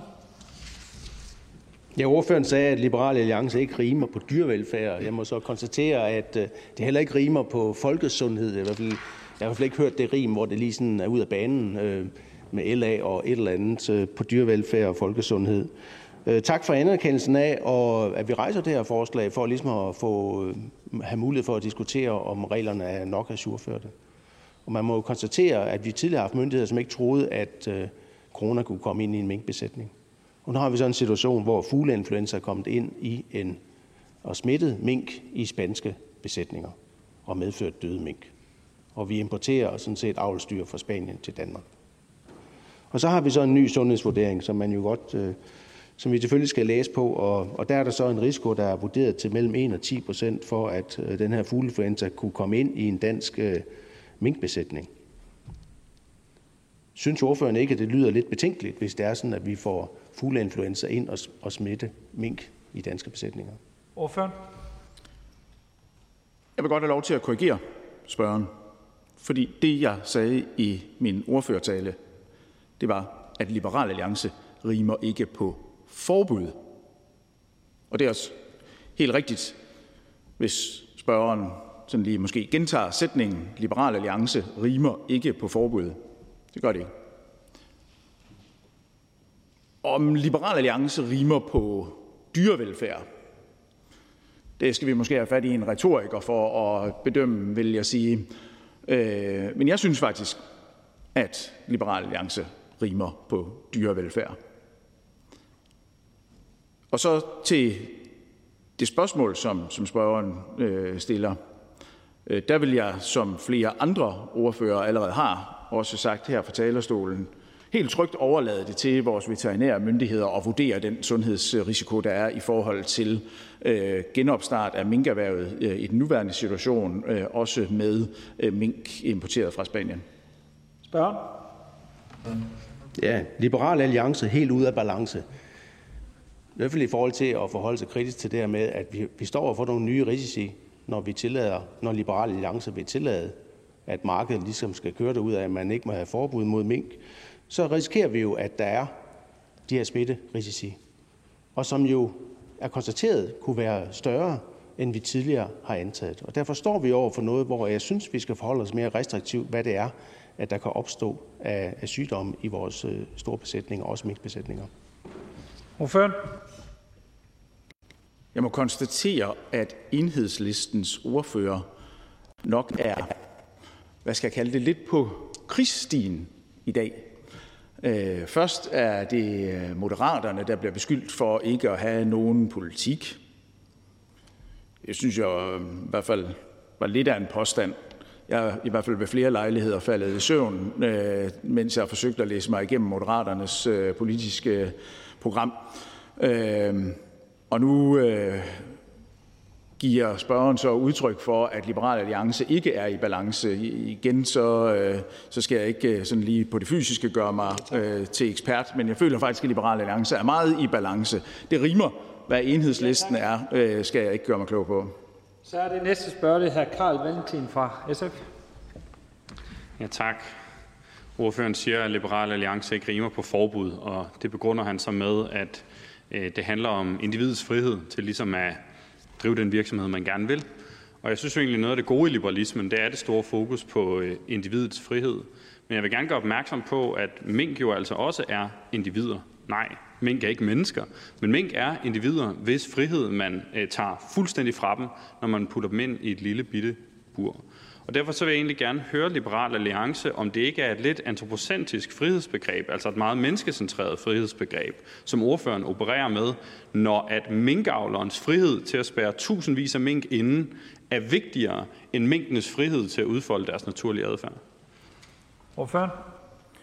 Øh, mange tak for et meget velkvalificeret øh, spørgsmål. Og øh, det er jo, som jeg også øh, sagde i min øh, ordførertale, sådan at vi tager bestik af og har noteret os den nye forskning, der er de erfaringer, der er omkring mink øh, og dyrevelfærd. Og øh, vi er bestemt helt åbne overfor, og det er også derfor, vi mener øh, i, øh, i forhold til EU-sporet, at det er noget af det, der skal lægges vægt på. Og det er jo også det, der er øh, begrundelsen bag de forbud, vi ser rundt omkring i Europa. Og som jeg forstår det, øh, så vil man jo netop på EU-niveau øh, nu gå ind i en revision af dyrevelfærdsreguleringen, og netop også med henblik på mink- og pelsdyrproduktion. Og det bifalder vi i stor stil i Liberal Alliance, fordi vi rent faktisk mener, at Liberal Alliance rimer på dyrevelfærd. Spørgen? Det er godt. Jeg glæder mig til at se det øh, i den politik, man fører, at det også rimer på dyrevelfærd. For jeg synes ikke, det er meget progressiv dyrevelfærdspolitik, der, der kommer fra Liberal Alliance. Og så håber jeg virkelig, man vil overveje det her med ens syn på frihed. Fordi forhåbentlig, så kan vi nå til et sted en dag, hvor at venstre- og højrefløjen i hvert fald i et vist omfang kan blive enige om, at frihed for de individer, som andre dyr end menneskedyret jo også er, faktisk betyder noget. Og hvis man bare sætter lidt højere krav, og altså ikke forbud, øh, jamen, så vil produktionen sandsynligvis også lukke. Det er det, der er sket i Schweiz og i Tyskland, hvor man ikke har forbudt det, men bare hævet dyrevelfærdskravene, så lukkede det. Øh, det er bestemt sådan, at når man ser på minks naturlige adfærd, øh, som er meget pladskrævende, og det, mink er et solitært dyr, så kan det godt give øh, selv for borgerlige, liberalt orienterede mennesker som jeg lidt kvababelser at se de forhold omkring øh, osv. og så videre. Og det er også derfor, at vi faktisk mener, at det bør der blive set på. Det bliver der så også nu på EU-niveau. Jeg er også bare nødt til at sige, at danske minkavlere jo sådan set tidligere har været kendt for en ret høj grad af dyrevelfærd for minkene, og jo faktisk har kunnet forbedre kvaliteten af skinnene, blandt andet fordi at man har sikret en høj øh, dyrevelfærd. Så er det her Peter Kofod. Tak for det, og tak for en god ordførertale. Jeg var bare nysgerrig på EU-delen, som ordføreren nævnte, fordi øh, jeg husker jo Liberal Alliance som et relativt EU-skeptisk parti, og derfor så var jeg da interesseret i at vide, om det betyder, det man måtte mene på minkavl i fremtiden, det afhænger af, hvad EU kommer frem til. Altså har man deponeret sin beslutningskraft i EU, eller vil man aktivt have en, en holdning til det selv, uanset hvad EU-systemet måtte finde frem til? Ordfører? Tak for spørgsmålet. Ja, Liberal Alliance er jo for så vidt et EU-kritisk parti, men bakker jo også op om øh, jo, kan man sige, de kerneliberale dele af øh, EU-samarbejdet. Og i den her sammenhæng synes jeg jo egentlig også, at der er noget kerneliberalt i, at man i en øh, bred kreds af europæiske lande øh, sætter sig sammen, øh, får kigget på nyeste forskning, får kigget på de erfaringer, man har, og så får truffet en, en fælles beslutning på, på EU-niveau omkring øh, ny øh, dyrevelfærdsregulering og forhold for øh, dyr i produktionserhverv, øh, som jo er konkurrenceudsat jo faktisk globalt, øh, men jo øh, i hvert fald også på EU-niveau. Spørgen? Der er et konkurrenceparameter her, så den del af, af svaret det giver sådan set ret god mening, det ordføreren siger om det. Når jeg tager ordet igen, så er det fordi, jeg gerne vil vide, hvis nu den kreds i EU, der kigger på det her, kommer frem til nogle standarder, der på en eller anden måde er uforenelige med minkavl, betyder det så, at Liberal Alliance vil sige, så skal vi forbyde minkavl og følge EU, eller vil man have en anden holdning? Hvorfor? Ja, der er ikke nogen tvivl om, at øh, den regulering, EU kommer frem til i den øh, revision, vi står overfor, at den vil øh, Liberal Alliance anbefale, at der bliver fuldt. Og jeg tænker, at det vil blive bragt op også i, øh, i det danske folketing, og der vil øh, Liberal Alliance jo helt klart støtte, at man følger øh, den europæiske regulering. Så er det fru Helene Lindendal Brydensholt. Ja, tak. Jeg synes, det er fedt, at ordføreren har sat sig ind i, hvad der også sker på EU-niveau her, øh, her på, på området, øh, og har noteret sig, at der, øh, der er noget i gang, der nok bærer hen mod et, øh, et forbud mod øh, pels, øh, pelsdyrproduktion i Europa. Jeg ved også, at øh, ordførens parti, Liberal Alliance, øh, går meget op i, hvad staten bruger sine penge på. og nu, øh, nu vælger vi så at øh, genopstarte det her erhverv, og det... Øh, men det følger jo så med, at man skal holde øje med smitte og sygdomudvikling øh, i de, øh, på de minkfarme, hvor man øh, starter op igen.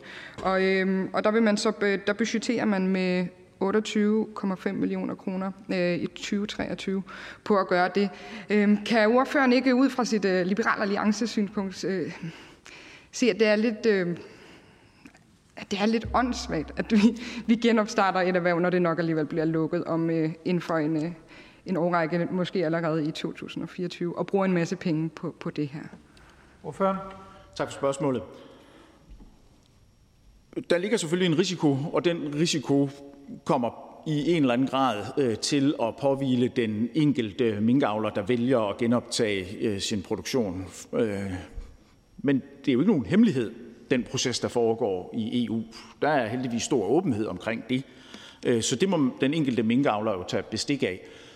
Og så længe det jo i en dansk kontekst er øh, lovligt, og forholdene er, øh, som der jo er regulatoriske forhold til i øjeblikket i forhold til dyrevelfærd og andet, jamen så mener jeg jo også, at vi øh, fra statens side skal bakke op om, og også i øvrigt politisk i de aftaler, der er indgået øh, i forhold til muligheden for at genstarte et erhverv. For som jeg, som jeg jo også kan man sige, som udgangspunkt i min ordførertale øh, to, jamen så går vi jo ikke ind for forbud i Liberal Alliance. Det rimer ikke de to ting.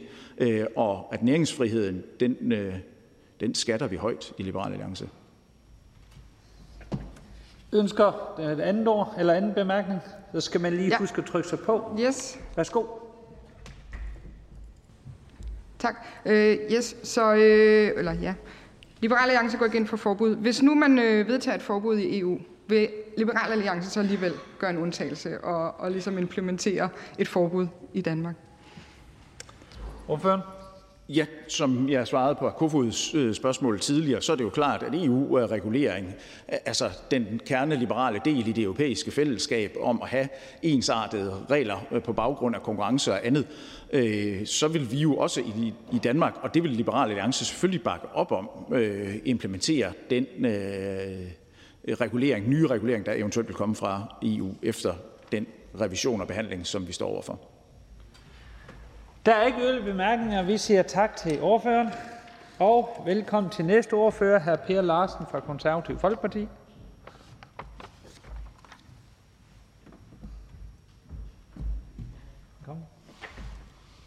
Tak for det, formand.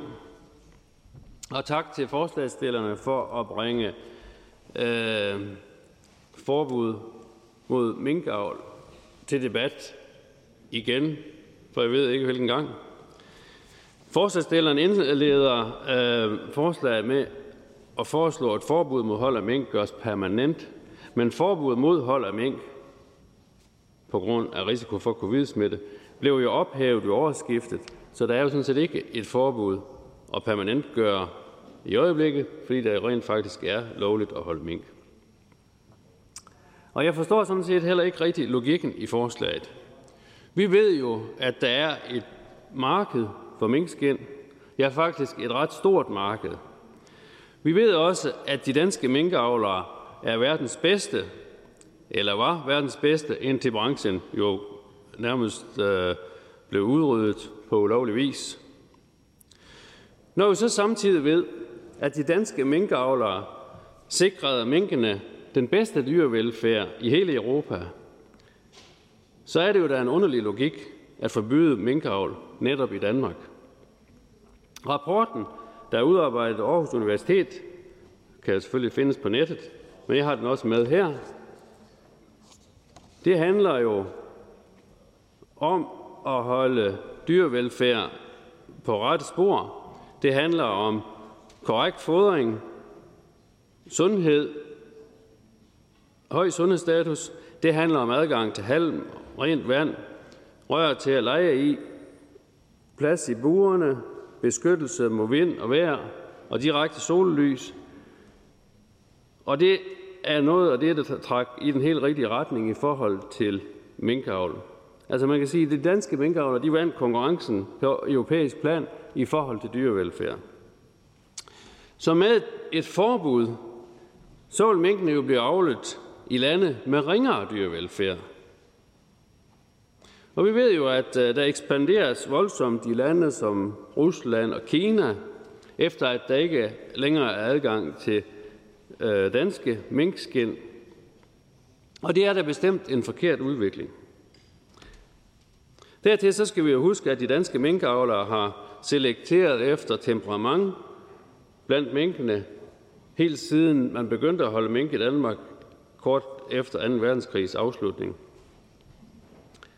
Og derfor vil man jo også kunne konstatere, at de mink, der holdes på farmene, faktisk øh, trives langt bedre, end hvis nu man sammenligner med, med de ræve, som man holdt i bur.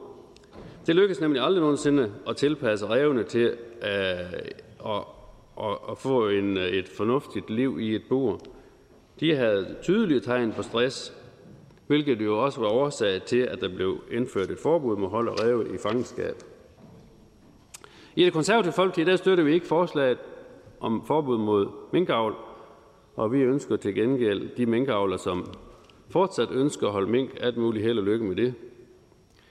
Den seneste øh, måling, jeg har set i forhold til den danske befolknings øh, holdning til minkavl, den blev offentliggjort den 20. april 2022, foretaget altinget. Den viser, at der var 46 procent af danskerne, der støtter fortsat minkavl i Danmark, og 37 procent af danskerne var imod. Tak for ordet. Der er et par korte bemærkninger. Den første er fra hr. Karl Valentin. Ja, tak. Konservatives ordfører bruger ligesom øh, lækage som en af de primære argumenter. Altså argumentet om, at hvis vi ikke producerer de her mink, så gør man det bare i nogle andre lande, hvor dyrevelfærden potentielt er dårligere, siger ordføreren. Øhm, derfor så kunne jeg godt tænke mig at høre ordføreren, hvad der er sket med den danske minkproduktion, der er blevet lukket nu. Vi stod jo for knap 40 øh, procent af verdensmarkedet på minkavl, inden man lukkede minkavl ned. Er øh, det blevet overtaget af alle mulige andre lande? Er der en masse andre, der nu producerer de mink, eller hvad er der sket med det? Ordfører? Jamen, øh, vi ved i hvert fald, at der jo øh, ekspanderes øh, rundt omkring øh, i andre lande, fordi der jo netop er et marked. Og så skal man jo så huske på, at der var rent faktisk ret mange skin til rådighed, fordi at priserne på øh, minkskin øh, op til øh, 2020 var forholdsvis lave, og derfor er der masser af øh, minkavlere, som har gemt skin og derfor har øh, det måske kunne være med til at dække efterspørgsel, men, men potentielt set så vil der jo være, øh, fortsat være marked, fordi vi ved, at man jo øh, bruger minkskin i stor udstrækning i Asien, og det vil man givetvis fortsætte med. Spørgen? Ja, ordføreren svarede jo ikke klart, og det er jo nok også fordi, øh, man netop ikke kan se, at der har været en kæmpe stor lækage af det her. Der kan godt ske en lille stigning, men det er simpelthen forkert at i talsætte det som om, at det her bare flytter til andre lande. Det er ikke det, der sker. Derudover så er der jo også andre lande, der tager det her initiativ med at forbyde minkavl.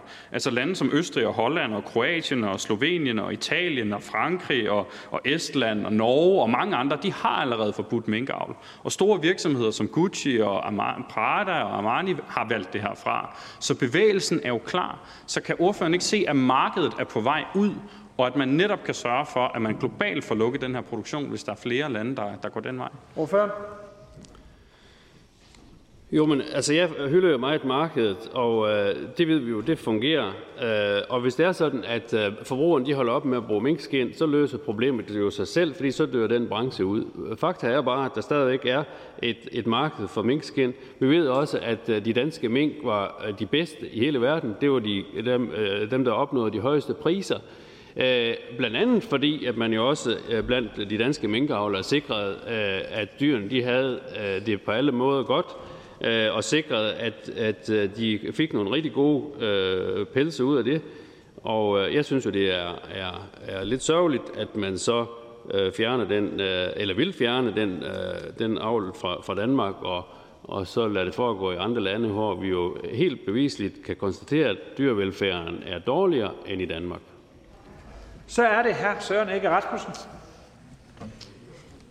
Ja, nu ved jeg, at ordføreren kommer fra Nordjylland, og der har oplevet, øh, hvordan det var med coronasmitten øh, mellem mennesker og mink, og den nedlukning, der skete af Nordjylland, og, og, og de, øh, de katastrofer, der var omkring, at, at, at der faktisk var mennesker, der døde af corona, øh, og at, at der var noget, som var blevet undervurderet. Fordi man troede jo ikke, at, corona kunne smitte mellem mennesker og mink, og det var så det, man konstaterer. Nu står vi så med, at, at der er øh, fugleinfluenza i spanske minkbesætninger. Vi har avlsdyr, der bliver importeret fra, fra Spanien. Og øh, vi har så en vurdering af, om, om det skulle være farligt for samfundet. Og, og der er så også en smitterisiko i Danmark for, at fugleinfluenza kunne komme ind i minkbesætninger. Kan ordføreren ikke med den, øh, det kendskab, han har til coronasituationen i, i Nordjylland, se, at, at, at der er altså en risiko ved at genoptage minkerhvervet med hensyn til, at der kan være øh, sygdomme, der muterer ind i en minkbesætning og kommer ud i samfundet? Ordføreren? Nu er jeg faktisk øh, øh, lidt i tvivl om, om øh, jeg vil konstatere, at der, der var folk, der døde jo af, øh, eller med corona. Men om de øh, minkvarianter, det var nogen, der slog folk ihjel, det er jeg ikke sikker på, at vi har set øh, noget på. Øh, så den er jeg lidt i tvivl om. Men ellers må jeg bare sige, så har jeg jo stor tillid til de danske myndigheder i forhold til håndtering af det her. Øh, og øh, øh, der vil jo, når man har forskellige viruser, så vil der jo potentielt være en risiko Øh, af en eller anden størrelse, og den kan være meget, meget, meget lille. Øh, og derfor øh, synes jeg jo ikke, at vi sådan på den måde behøver at stille spørgsmålstegn ved myndighedens vurdering af, at man godt kan have mink i Danmark. Spørgen? Jamen, det er helt sikkert, at man kan have mink i Danmark, men der er bare en risiko ved det, og der har myndighederne så tidligere taget fejl. Nu er ordføreren jo inde i historikken omkring minkavl, er det ikke korrekt, at Copenhagen First står over for at blive lukket? Og dermed vil der ikke være den aktør til at sikre en vidensdeling og, og et, et samarbejde på andelsbasis omkring øh, minkproduktion i Danmark. Og at de minkavlere, der nu starter op igen, står i en helt anden situation, fordi der ikke er det bagland, som, som der har været for minkproduktionen tidligere. Hvorfor? Jo, det er jo helt katastrofalt, at man på den måde har udryddet erhvervet, og øh, vi taler jo om store eksportindtægter, masser af arbejdspladser. Der var jo 6.000, der var beskæftiget i den branche, og nu er vi jo så nede på, at det er ganske få minkavler. Og derfor er det da også øh, et pionerarbejde, der påhviler de minkavler, som prøver på at starte øh, branchen op igen. og, og det bliver bestemt øh, op ad bakke. Det var, det var en helt anden situation dengang, at øh, vi havde øh, så stor en, en produktion, som vi havde, inden at erhvervet blev lukket ned. Så er næste spørger hr. Kim Edberg Andersen. Øh, tak til ordføreren. Øh, vil ordføreren, nu sidder ordføreren og jeg jo i regionsrådet i Nordjylland sammen, øh, så ordføreren han har jo forstand på sundhed. Jeg, han, jeg har også øh, viden om, at ordføreren han har også forstand på landbrug. Vil ordføreren ikke bare bekræfte, at øh, der altid har været øh, sygdomme ved dyr, som potentielt vil kunne smitte øh, mennesker? Og vil ordføreren ikke også bare give mig sin mening på, om det vil være hensigtsmæssigt at på den måde så bare slå alt ned, hvor der kan være en potentiel risiko for nogen som helst sygdomssmitte til, til mennesker. Fordi vi bliver bare nødt til at, at se i øjnene, at øh, corona, som, eller fugleinfluenza, øh, vi, kan, vi, kan jo, vi kan jo male skrækscenarier nok op med sygdom, der kan smitte. Men vi bliver nødt til at sætte fingeren i jorden og så lige vurdere, om det er den mest hensigtsmæssige løsning. Og så vil ordføreren ikke uh, lige uh, gøre mig klogere på, om han mener, at vi bare skal slå alle dyr ned, nu når vi er i gang. Fordi så er vi helt sikre på, at der ikke er nogen mennesker, der kan blive smittet. Ordføreren. Det ville jo være en, en uh, fattig verden at leve i, hvis det var sådan, man slog alle dyr ned. Uh, så det uh, kan jeg jo slet ikke forestille mig.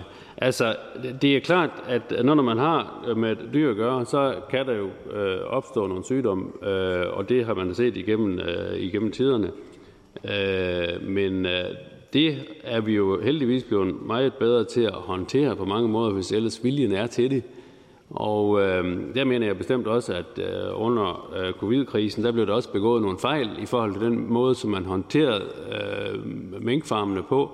Fordi at øh, man øh, foregav jo, at nu skulle man lave en isoleringsstrategi.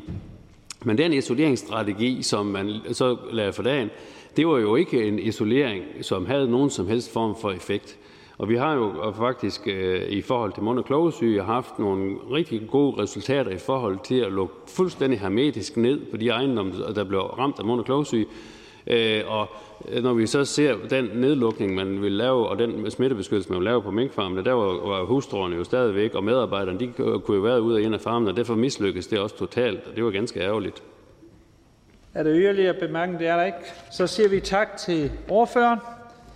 Og næste ordfører er hr. Søren Ikke Rasmussen fra Enhedslisten.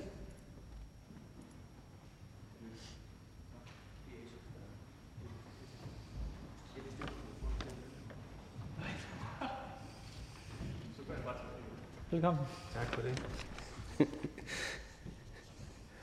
Jamen, øh, det her det er jo et fælles forslag, som, øh, som Enhedslisten, SF og Alternativet har stillet. Og øh, det har jo flere ben at gå på. Det har jo blandt andet øh, hensyn til dyrevelfærd, og der må man bare konstatere, at det, som Dyreetisk Råd har, har udtalt, er jo markant klart, og det med at have, have mink i bur, det er ikke noget, der kan harmonere med dyrevelfærd. Så står vi i en særlig situation, at Danmark har, er på vej til at bruge øh, 19 milliarder til, øh, til at afskaffe minkerhvervet, til at give erstatninger. Og hvad får man så for de penge? Ja, når man nu øh, tillader at starte minkavl op igen, så synes jeg, at man får meget lidt for de penge. Fordi det kunne da være en, en positiv effekt af, af nedlukningen af minkerhvervet, at vi så fik øh, afskaffet minkproduktionen i Danmark. Og det er jo den vej, at det går, at flere og flere lande i EU, og også uden for EU, lukker øh, deres minkproduktion ned, gør det forbudt. Og nu står vi så med en sag, hvor at der også er processer i EU, øh, som kan komme frem til den samme konklusion, om, at sådan et invasivt dyr som mink ikke skal, øh, ikke skal være tilladt som et produktionsdyr. Det er det, vi står overfor. Så vi har altså tendenser til at afvikle minkavl, og hvor jeg synes, at Danmark også skulle være med. Så synes enhedslisten også, at folkesundheden er, er vigtig, og det vi oplevede under corona, hvor man øh, ikke fra myndighedernes side vurderede, at man kunne få, opleve at have en smitte, som kunne gå mellem mennesker og, og mink og tilbage igen. Det viste sig, at det kunne den.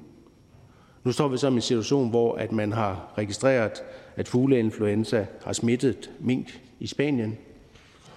Og det vil så være langt mere øh, farligt, hvis det er sådan, at den fugleinfluenza via mink kan komme ind og smitte øh, mennesker, kan komme ind og smitte andre produktionsdyr. Og derfor mener vi sådan set, at der skal tages øh, øh, der skal føres en hårdere linje i forhold til øh, og, og, og sikre folkesundheden, sådan at vi ikke kommer ud i noget, hvor at vi får fugleinfluenza spredt via mink. Så synes vi, at øh, altså, det er jo lidt en absurd at, at, at snakke om det her minkerhverv, fordi det er jo egentlig et overflødigt produkt. Altså jeg kunne bedre forstå det, hvis vi havde en anden fødevareproduktion, hvor at der var et eller andet hjørne af den produktion, som havde en gene, og hvor vi ligesom kunne se, at vi er nødt til at have mennesker, øh, menneskeføde øh, fremadrettet. Her har vi at gøre med en produktion, der laver nogle, nogle skin, som så kan blive til noget tøj, og man kan sådan set producere andet tøj. Og det er meget muligt, at der er nogle øh, kinesere og russere, der er glade for at have en, en varm skinpels. Især dem, der bor i meget kolde områder.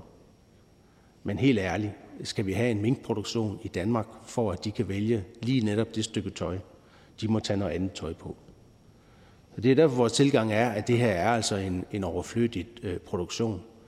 Der har været nogle år, hvor der har været danske landmænd, der har, har produceret mink, og som har haft et øh, levebrød ved det. Og det er så blevet øh, lukket ned. Fra enhedslistens side vil vi gerne have lukket det ned mere kontrolleret. Det havde også været langt billigere.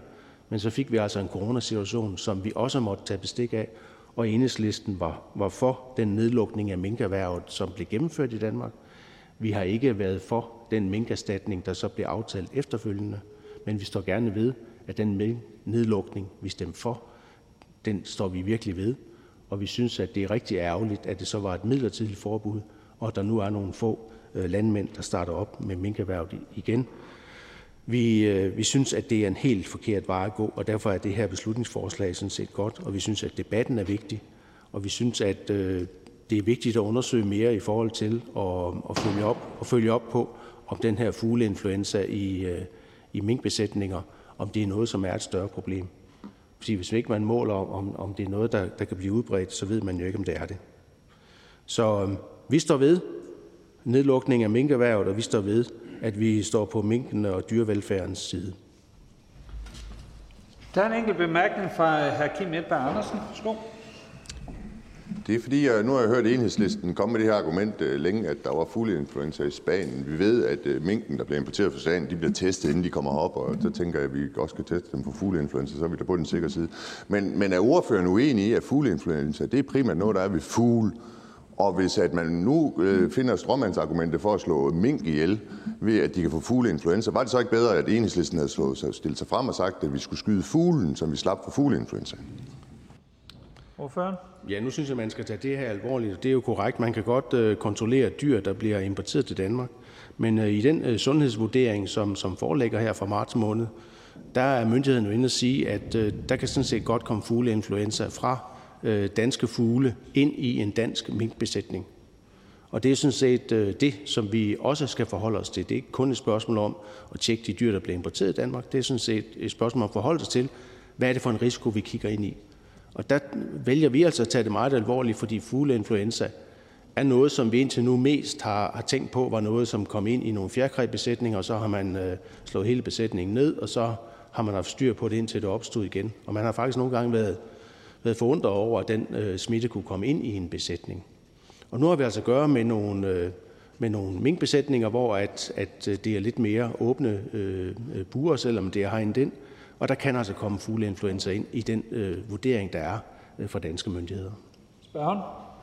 Faret hænger bare ikke sammen for, for ordføreren, fordi der er jo også mink, øh, minkfarm, som er indvendige haller.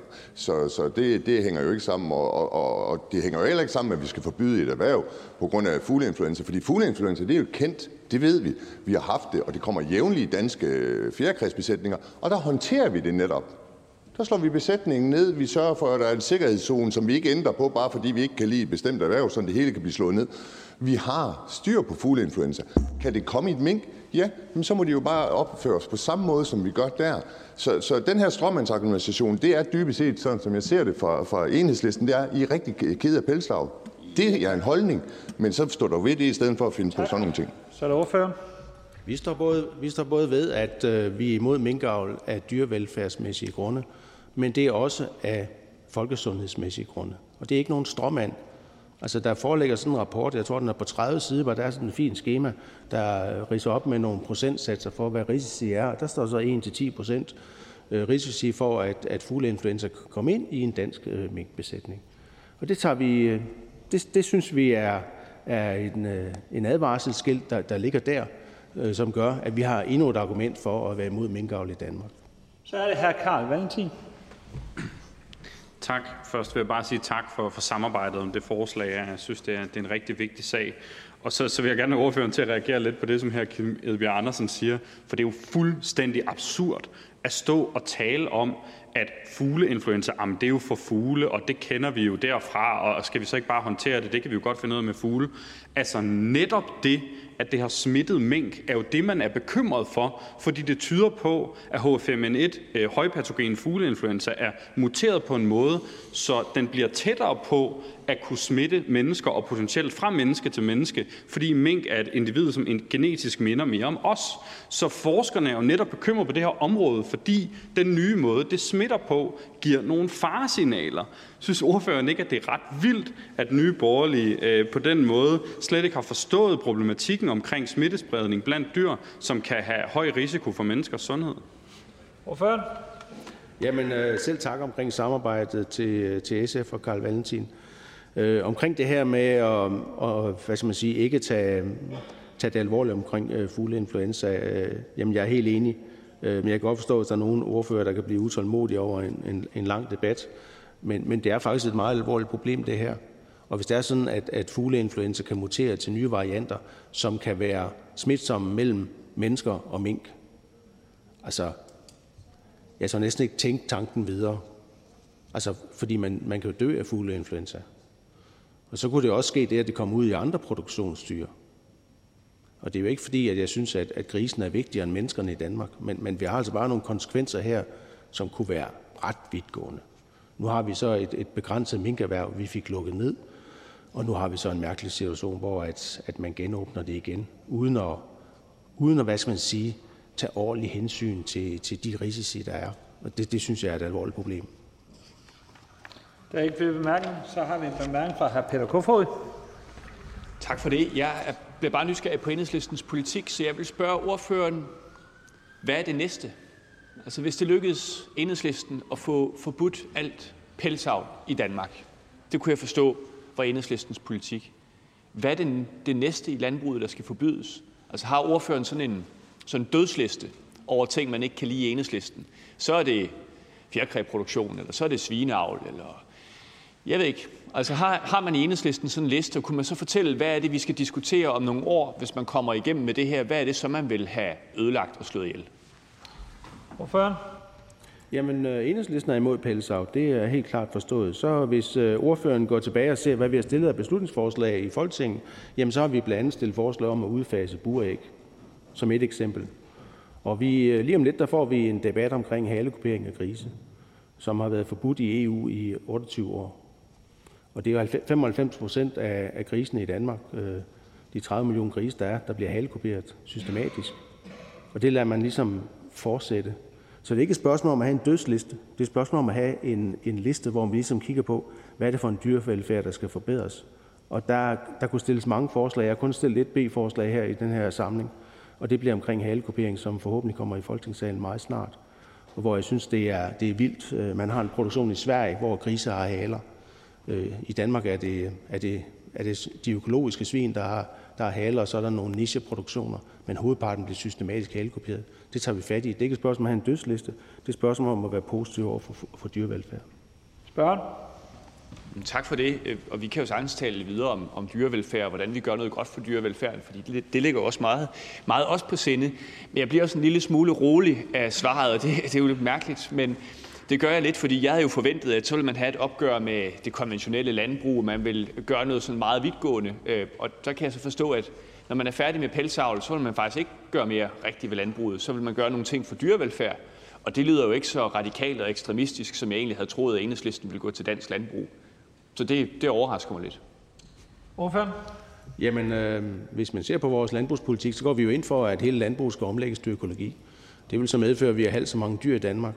Og jeg glæder mig over, at vi har lavet tre finanslove, hvor vi sådan set har fået prioriteret økologi, og vi har også fået prioriteret økologi i den øh, landbrugsaftale, som en del øh, partier er med i, og hvor man jo sådan set har som målsætning at fordoble det økologiske areal.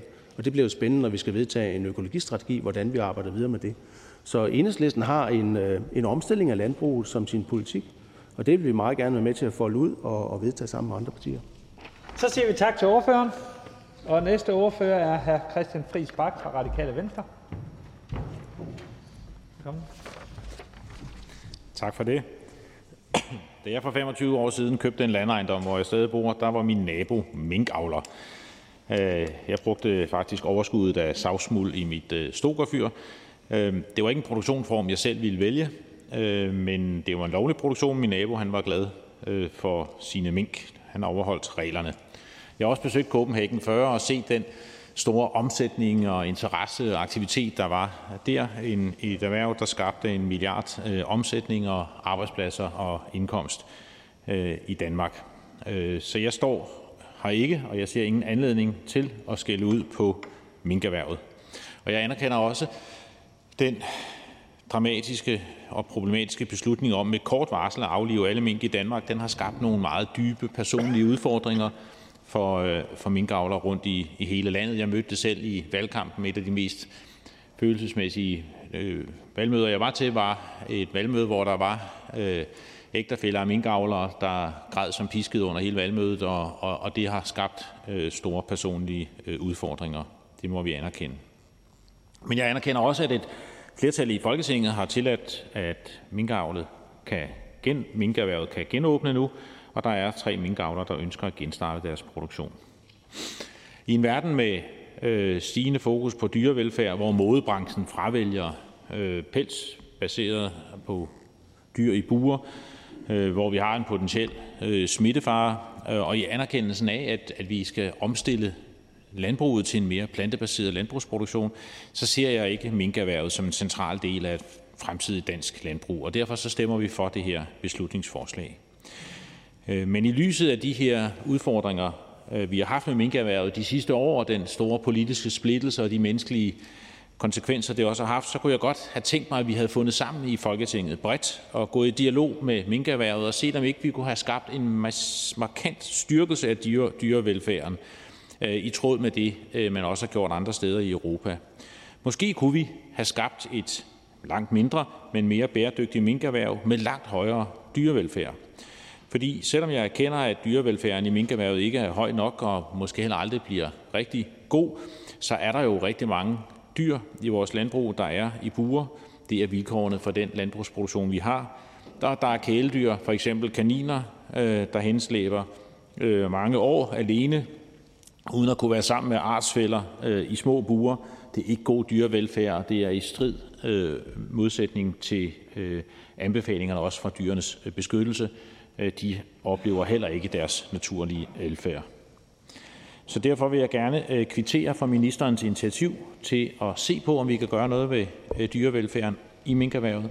Det arbejde vil jeg gerne og vil vi gerne bakke op om, og vi håber, at det måske hurtigt kunne føre til resultater, så vi måske kunne sige til de minkavlere, som ønsker nu at genstarte en produktion, at de måske kunne beholde en del af den kompensation, de kunne få stillet i udsigt, hvis de helt nedlagde erhvervet, hvis de til gengæld skaber markante forbedringer af dyrevelfærden i den øh, produktion, de ønsker øh, at genstarte. Så vi støtter forslaget. Øh, vi ser gerne en permanent nedlukning af minkerværet, men i lyset af den politiske situation, i erkendelse af, at der ikke bliver flertal for det her forslag, så så vi gerne, at vi kunne mødes på midten og finde sammen om et mindre, mere bæredygtigt minkerhverv med langt højere dyrevelfærd og uden risiko for smittefare. Og det vil vi fortsat arbejde for, selvom vi stemmer for det her beslutningsforslag. Tak for ordet. Der er et par korte bemærkninger. Den første er fra hr. Carl Valentin. Ja, tak. Tak øh, for ordførertalen. Tak også for, for opbakningen til forslaget. Det er vi rigtig glade for. Vi synes, det er, det er vigtigt, at øh, minkavl det bliver, bliver fortid i Danmark. Og i SF, der har vi det egentlig lidt ligesom i, i Radikale Venstre. Hvis man ikke kan få et forbud, så er vi selvfølgelig klar til at se på, hvordan man kan øh, forbedre dyrevelfærden. Jeg vil dog også sige, jeg synes, det lyder lidt overdrevet, den måde, som ordføreren i tale sætter de potentielle forbedringer på. Altså, man kan skabe et erhverv med markante dyrevelfærdsforbedringer, hvor dyrene har markant bedre vilkår. Altså, er sandheden ikke i virkeligheden lidt, at hvis man sørger for det, altså markante forbedringer, så lukker det? Tak for, for spørgsmålet, og også tak for beslutningsforslaget, som vi som sagt bakker op om. Øhm, jeg tror, det vil være en rigtig øh, jagttagelse, at øh, markante forbedringer af dyrevelfærden vil føre til, at erhvervet øh, vil lukke ned øh, på sigt. Det vil sige de andre europæiske lande. Men hvis man nu kunne overtale øh, en stribe lande, endnu flere lande til at gå den vej, så kunne det godt være, at der kunne udformes et bæredygtigt minkerhverv med meget bedre dyrevelfærd. Det kan man ikke udelukke. Jeg synes bare, det er en rigtig vej at gå, øh, også i lyset af den politiske splittelse, de menneskelige øh, omkostninger, som nedlukningen har haft, hvis man kunne samles om, øh, om, om det øh, og, og sikre et mindre, mere bæredygtigt øh, minkerhverv med langt bedre dyrevelfærd. Fordi det har haft store menneskelige omkostninger. Det har været noget, der har splittet os politisk. Øh, og, og den vej øh, så jeg gerne, at vi gik i fællesskab. Øhm, og, og det vil jeg fortsat arbejde for. Men tak for spørgsmål og for beslutningsforslag. Spørgen? Ja, så vil jeg bare afslutningsvis sige, at, at jeg ser frem til samarbejdet i forhold til at, at sikre bedre dyrevelfærd i minkproduktionen. Jeg tror ikke så meget på, at vi kan sikre nogle vilkår, der gør, at SF på nogen måde kan acceptere produktionen. Men vi uh, er også glade for ministerens initiativ og ser frem til forhandlingerne om det. Hvorfor? Øh, tak for det. Altså, jeg har jo selv haft øh, alt fra ja, øh, kaniner og, og, og høns og alskens øh, dyr i mit liv, og, og man kan jo gøre ting, øh, hvor man, når man så ser på dyrene, jagter en adfærd, der er langt mere naturlig og i overensstemmelse med dyrenes øh, egne behov. Øh, og jeg ved ikke, om man kan lægge tre minkpuer sammen og skabe nogle rum, som, som minkene i højere grad kunne leve i. Øh, man kunne øh, i, gøre et eller andet. Der må være øh, iagttagelser fra udlandet og forskningsresultater, som vi kunne benytte. Øh, og jeg siger heller ikke, det er muligt, men, men i, i lyset af, at vi ikke får vedtaget et forbud, så vil jeg arbejde for, at vi går den vej. Så er det her Torsten Schack. Tak for det. Ved øh, en af de tidligere debatter, der sagde øh, den daværende radikale ordfører, vi er selvfølgelig fra radikal side optaget af både dyrevelfærd og bæredygtighed, og jeg er det indtryk, at minkavlen herhjemme foregår på et betryggende niveau. Reglerne bliver overholdt, og minkene er, mener jeg, i betydelig grad tilpasset til et liv i fangenskab. Det er desuden en ganske bæredygtig produktion. Fodret er affald fra slagteri- og fiskeindustrien, og det er jo altså til overflod et meget veldokumenteret velfærdsprogram, som altså både er gennemskueligt og som også bliver overholdt. Så alt i alt synes jeg, at man, så synes jeg, at industriens størrelse i betragtning, at man ikke skal forbyde minkavl herhjemme. Jeg synes, det foregår på betryggende vilkår, og vi støtter derfor ikke forslaget fra radikal side. Hvad har ændret sig hos de radikale venstre, siden vi diskuterede et forbud mod minkavl i Danmark? Hvor det her, jeg læste op, var melding fra den daværende radikale ordfører, og så til relativt nye tanker, må jeg sige, fra den nuværende radikale ordfører. Ordfører? Øh, tak til spørgsmålet og den grundige gennemlæsning af tidligere radikale standpunkter. Og jeg mener, at hele starten på min tale afspejlede præcis det samme øh, synspunkt. Øh, jeg står ikke, gik ikke herop for at skille ud på minkerværet. Jeg var nabo til en minkavler. Jeg har besøgt Copenhagen før. Jeg har set et erhverv, der var lovligt, øh, skabte indkomst, arbejdspladser øh, og havde en relativt god dyrevelfærd i forhold til, hvad der foregik andre steder i verden. Og det øh, erhverv øh, vil jeg gerne øh, øh, forsvare og, og sige, at det står vi ved. Men i lyset af en nedlukning, i lyset af øh, en udvikling i dyrevelfærd, en modebranche, der fravælger skind produceret af, af, af, dyr i buer, øh, en potentiel smitterisiko, og der hvor vi står i dag, øh, der mener vi, at det var fornuftigt at tage det sidste skridt og nedlukke minkerhvervet, som ikke, jeg ikke ser som en, en, en fremtidig central produktionsform, øh, der hvor vi står nu i, i dansk landbrug. Så det var det synspunkt, jeg fremførte. Men også et synspunkt, der handlede om, at kunne vi skabe yderligere bæredygtige udviklinger og øget dyrevelfærd i minkerhvervet, så vil vi også bakke op om det. Spørgsmål. I den aftale, et bredt flertal i Folketinget indgik den 25. januar 2021 om erstatning til minkavlerne og følgeerhverv, der står der, at når det igen er muligt og sundhedsfagligt forsvarligt at drive minkavl i Danmark, at der skulle avlerne have mulighed for at genoptage det. Øhm, og det er en aftale, det radikale venstre er en del af. Og, og det betyder jo, at når det radikale stemmer for det her, så går man jo imod sin egen aftale. Fortryder man, at man indgik i den aftale, eller hvad mener det radikale, der skal ske i forståelsen af den aftale, vi indgik den 25. januar 2021? Ordfører? Øh, jeg mener, at hr. Thorsten Schack øh, Petersen øh, kommer fra et parti, der har skiftet forskellige synspunkter i løbet af det sidste halve år. Det er bare en jagttagelse. Og, og, og tilsvarende har der været en dialog i vores parti øh, hvor både vores øh, landsmøde vores hovedbestyrelse og vores gruppe har set på den nye situation, der påviler i kraft af, at man nu har nedlukket minkerhvervet eller aflivet alle mink i Danmark, og, og så taget det synspunkt, at så giver det måske ikke mening at genåbne det, og derfor kunne vi lige så godt udbetale kompensation, lukke erhvervet, som ikke er en central del af det fremtidige danske øh, landbrug. Øh, så det er der, øh, vi står, men jeg står ikke for at skille ud på minkerhvervet, tværtimod. Tak. Så siger vi tak til ordføreren. Der er ikke flere bemærkninger. Og så er næste ordfører hr. Peter Kofod, Dansk Folkeparti. Velkommen. Tak. Tak til forslagsstillerne for at stille det her forslag. Det er jo et forslag, der i det store hele har været diskuteret før i Folketinget. Og derfor er der nok heller ikke så mange nye positioner i den her debat, og det er der heller ikke fra Dansk Folkepartis side. Vi har tænkt os at stemme nej til det her forslag. Den egentlige skandale, det som Folketinget i virkeligheden burde diskutere det er jo, hvorfor vi så lang tid efter, at det her erhverv er blevet lukket ned, stadigvæk ikke har fået sat det økonomiske punktum for, at de her mennesker, minkavlerne, kan komme videre. Der har været nogle enorme menneskelige konsekvenser forbundet med nedlukningen af det her erhverv. Hvis man er i tvivl, så kan man jo gå tilbage og se nogle af de videosekvenser, hvor avlere, der har brugt, ja, for nogle af dem er det jo flere generationer de har været i gang på at forædle øh, de her dyr og de her skind, jo grædende må stå og slå øh, deres avlsdyr ihjel. Det var enormt smertefuldt at se på.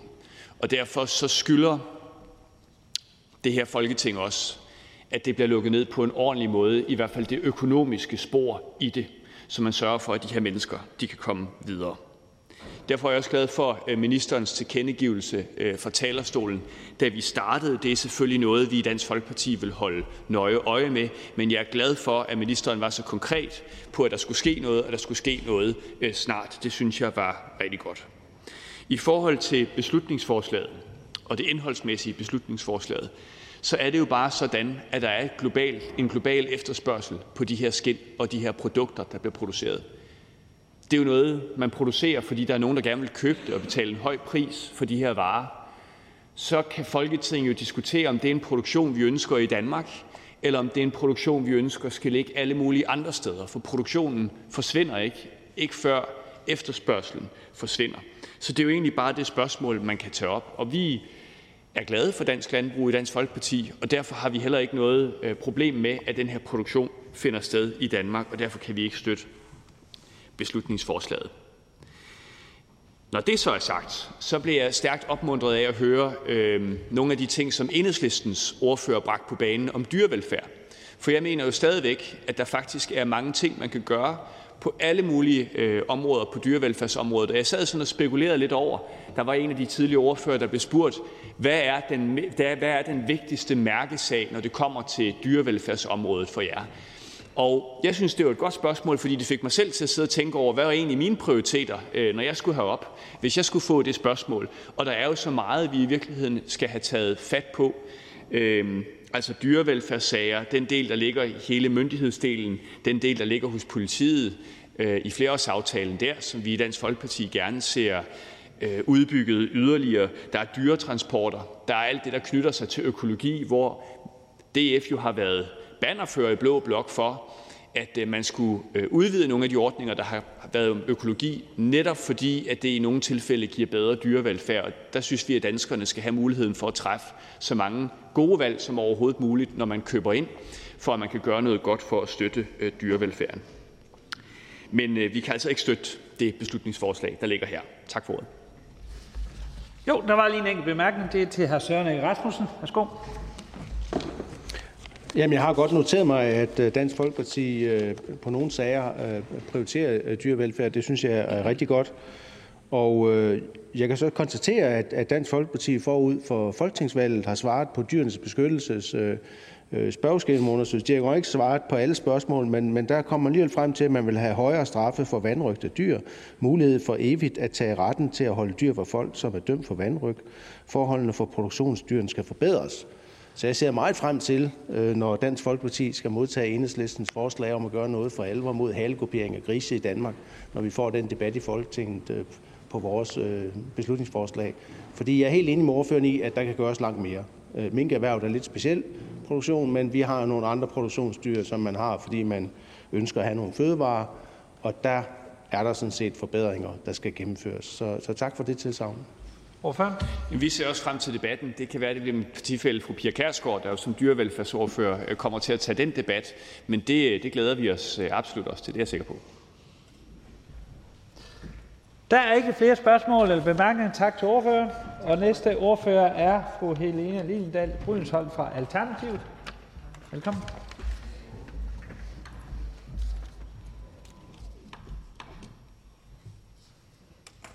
Det her forslag det handler ikke bare om mink. Det handler også om vores dyresyn, og det handler om, hvordan vi behandler dyr helt generelt.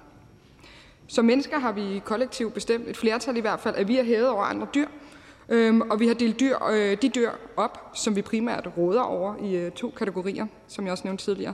Vi har de nuttede kæledyr eller familiedyr, som vi øh, behandler sådan lidt mere som individer. Vi giver dem navne, vi fodrer dem et par gange om dagen, og vi kæler også lidt med dem, når de ligger på skødet i sofaen. Og så har vi produktionsdyrene, forsøgsdyrene og, øh, og så videre. Og de bliver øh, primært behandlet som objekter. Det er produkter. Og vi, øh, vi gør lidt, vi, vi behandler dem lidt, som, som vi nu synes, vi har lyst til som mennesker. Øh, og man må sige, at der er stor forskel på, hvordan vi behandler den to, øh, de to kategorier af, af dyr. Minken har vi så placeret i den kategori, som øh, jeg her kalder produktionsdyr, øh, sammen med grise, høner og andre dyr i landbruget. Og de her dyr i landbruget de, øh, bliver som regel holdt i buer, og det er jo også tilfældet med mink, som vi har slået fast her i dag. I Alternativet der ønsker vi øh, at få alle dyr ud af burene, men nu handler det her forslag så om mink i bur, øh, så det vil jeg holde mig til at tale om nu. Vores dyrevelfærdslov er en klasse for sig, og vi kan faktisk virkelig være stolte af den. Problemet er dog, at den ikke er implementeret i minkproduktionen. Den kan ikke implementeres, for minkavlens grundlæggende rammer de er ikke i stand til at sikre minkens naturlige behov og rummer derfor daglig lidelse og angst i strid med vores lovgivning. Vi står med mink i dag nøjagtigt det samme sted, som vi gjorde med burrevne i 2009, og de fleste danskere er nået til den erkendelse, at det ikke er etisk forsvarligt at holde mink i bur. Derudover er det slået fast med, 20, med syv tommer søm, af Folketinget selv, at det heller ikke er samfundsmæssigt forsvarligt at holde mink i bur i en tid, hvor zoonoser og pandemier truer vores folkesundhed, og begge dyrkes og fremmanes øh, af den måde, som vi holder dyr på. Et hurtigt blik på Europakortet med en oversigt over de lande, der har forbudt og udfaset pelsavl, udstiller Danmark som det, vi er blevet til. Vi er blevet til et land, der på alle mulige måder udnytter og piner dyr for økonomisk vinding, og mod bedre vidne nægter at omstille sig, mens resten af verden tømmer buer og laver en ny lovgivning for pelsproduktion. Danmark lader til at have et værdifællesskab med både Rusland og Kina, hvad angår dyrevelfærd. Og det gør jo ondt at komme til den erkendelse. Mink det er territoriale dyr. Det eneste af den slags, som vi stadig har i bur i Danmark. De har svømmehud mellem tæerne, og vi holder dem hele deres liv i buer, hvor de går på metaltrammer. Og det er som at sætte en fugl i et bur. En fri mink den vil have flere kvadratkilometer et stort territorium, hvor den lever alene og boldrer sig i åer og floder. Minken den har ikke tilpasset sig øh, et liv i bur, og det ses jo tydeligt, når de slipper fri, hvor de lever fint i den danske natur. Øh, og med, men fritsluppende mink, de er en katastrofe for dansk natur, hvor de gør et stort indhug i vores fugle og vores padder. Det er afstumpet at forestille sig, at et dyr kan leve et helt liv på pladsen af, hvad der svarer til to opslåede aviser, og kunne udfolde sin natur og trives der. Jeg er ikke i tvivl om, at øh, vi får et forbud mod mink og pelsproduktion i, øh, pels, pelsdyrproduktion i Danmark før eller siden. Det er bare et spørgsmål om tid. Øh, vi kan tage den beslutning i Danmark. Det kunne vi gøre ved at stemme øh, for det her forslag. Øh, men det vil på et eller andet tidspunkt også blive besluttet på EU-plan, det er jeg ikke i tvivl om. Så kan jeg Folketing, det må jeg der tilbage. Lad os nu gøre det rigtige, og så lad os, starte den, øh, lad os ikke starte den uetiske minkproduktion op igen. Tak. Der er et enkelt indtil videre bemærkning, det er fra hr. Karl Valentin. Jeg vil bare sige tak øh, til ordføreren for at være med til at stille det her forslag. Jeg synes, det er godt, at vi kan stille det sammen i SF, Alternativet og Enhedslisten. Og så tak også for en, for en rigtig god tale. Jeg synes, det er vigtigt at reflektere over, hvordan vi behandler andre arter, og særligt også det, som ordføreren var inde på med vores syn på dyr i forhold til, at familiedyr og det, vi kalder produktionsdyr, bliver behandlet så forskelligt, øh, til trods for, at det egentlig er ret svært at sådan udpege, hvad det er for nogle karakteristika ved de her dyr, der gør, at, at nogle af dem må komme i bur, og, og nogle af dem øh, skal, skal have nogle helt andre, øh, meget bedre vilkår. Så tak for at sætte fokus på det. Jeg håber, at vi kan sammen, som minimum i hvert fald, presse regeringen til, at, øh, at vilkårene for de her mængder bliver en lille smule bedre øh, på lang sigt. Så, så skulle vi gerne have forbudt den her produktion helt. Ordføreren? Jamen, jeg siger selv tak, og tak til hr. Karl Valentin for at tage initiativ til at stille forslaget og, øh, øh, og invitere os to andre partier øh, med til det.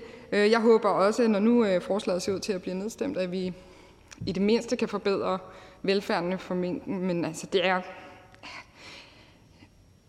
Og så give dem en kvadratmeter mere øh, at være på. Altså, hvad er det egentlig værd for en mink? Altså, det, det, det er lidt nedslående for mig, hvis det er der, vi, vi ender med det her. Jeg synes, hvis det kun er tre, hvis det kun er tre af virksomheder, der åbner op igen, hvorfor det får vi ikke bare lukket? Det, det bliver jeg lidt øh, nedslået over, men, øh, men øh, det er da dejligt, at vi er fire partier, der, øh, der kan se, at der, øh, det vil give mening at lave et forbud.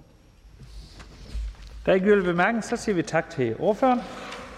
Og næste ordfører er hr. Kim Edberg Andersen fra Nye Borgerlige. Kom.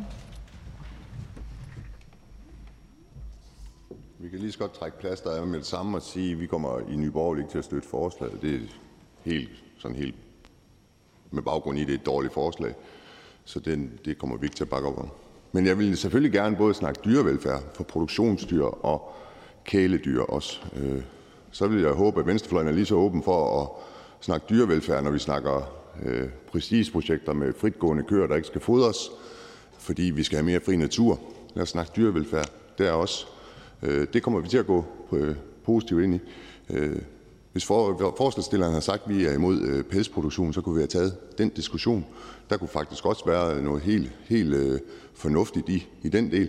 Men det, jeg har hørt øh, forslagsstilleren have fokus på, det er sundhed. Det er fugleinfluenza, der smitter i Spanien, som så gør, at vi må forvente, at vi alle sammen bliver smittet med fugleinfluenza. Den køber ikke ind på præmissen af. Det gør jeg ikke. Men, men jeg er jo et positivt menneske, der gerne vil komme øh, forslagsstilleren i, i, i møde. Så lad os da endelig snakke om for eksempel at regulere sæleren, som giver sælorm, der går i torsken, som også bliver fundet i mennesker. Fordi det er jo det, vi snakker om nu. Nu er det menneskelig sundhed. Så der går jeg ud fra enhedslisten, SF, Alternativ Radikale nu, øh, når jeg kommer til at lave et forslag om et, borg, et beslutningsforslag, at I går ind for at regulere de her sæler. For det er jo menneskelig sundhed, vi snakker om. Jeg synes, øh, det har været en lang debat, øh, som kunne have været meget mere ren ideologisk, hvis vi skulle have snakket nogle fornuftige ting. Øh, og jeg vil meget gerne snakke også øh, velfærd for minken. Lad os få noget fagligt grundlag for det. Endelig. Lad os da endelig snakke om det. Men at sammenligne de mink, der er i buer nu med de vilde mink, det svarer lidt til at tage en ulv og så sammenligne med en, øh, en øh, golden retriever eller en pudelhund. For der har været en selektiv avl i generationer. Det er ikke de samme typer dyr. Vi har dyrlæger, der undersøger dem. Vi har dyrlæger, der stempler for, om de har det godt. Er der noget, der ikke bliver gjort godt nok der, så lad os tage en diskussion om det. Jeg stoler på sundhedsmyndighederne, øh, når de, eller vores dyrlæger, når de siger, at øh, mink de bliver behandlet forsvarligt.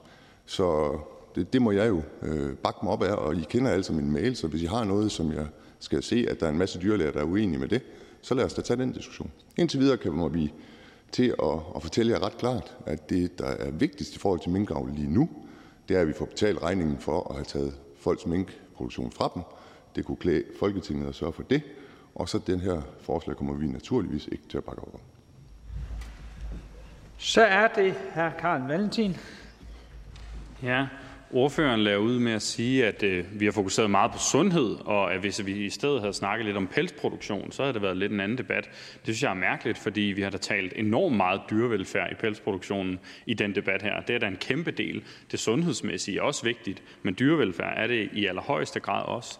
Men skulle jeg forstå det på den måde, at Nye Borgerlige egentlig øh, åbner for muligheden for at udfase pelsproduktionen sådan mere bredt, øhm, så vi stopper med at have pelsdyravl? Øh, det er jo kendt for, at den her, den her produktion er jo kendt for, at, at dyrene har meget, meget lidt plads og står i de her buer hele deres liv øh, under ikke særlig gode vilkår, må man bare sige. Ordføreren? Nej, du, du kan høre, at Borgerlige siger, at øh, vi skal tage dyrevelfærd alvorligt, og hvis at, øh, øh, ordføreren han mener, at de danske dyrlæger, der kontrollerer øh, minkavlerne, de øh, alle sammen øh, kommer med forkerte konklusioner, så må I jo dokumentere det. Indtil videre har vi sat et regelsæt, og det ved jeg, at de minkavlere, jeg kender til, det overholder de. Jeg er ikke imod øh, pelsavl, jeg er ikke imod produktionsdyr. Det er jeg ikke.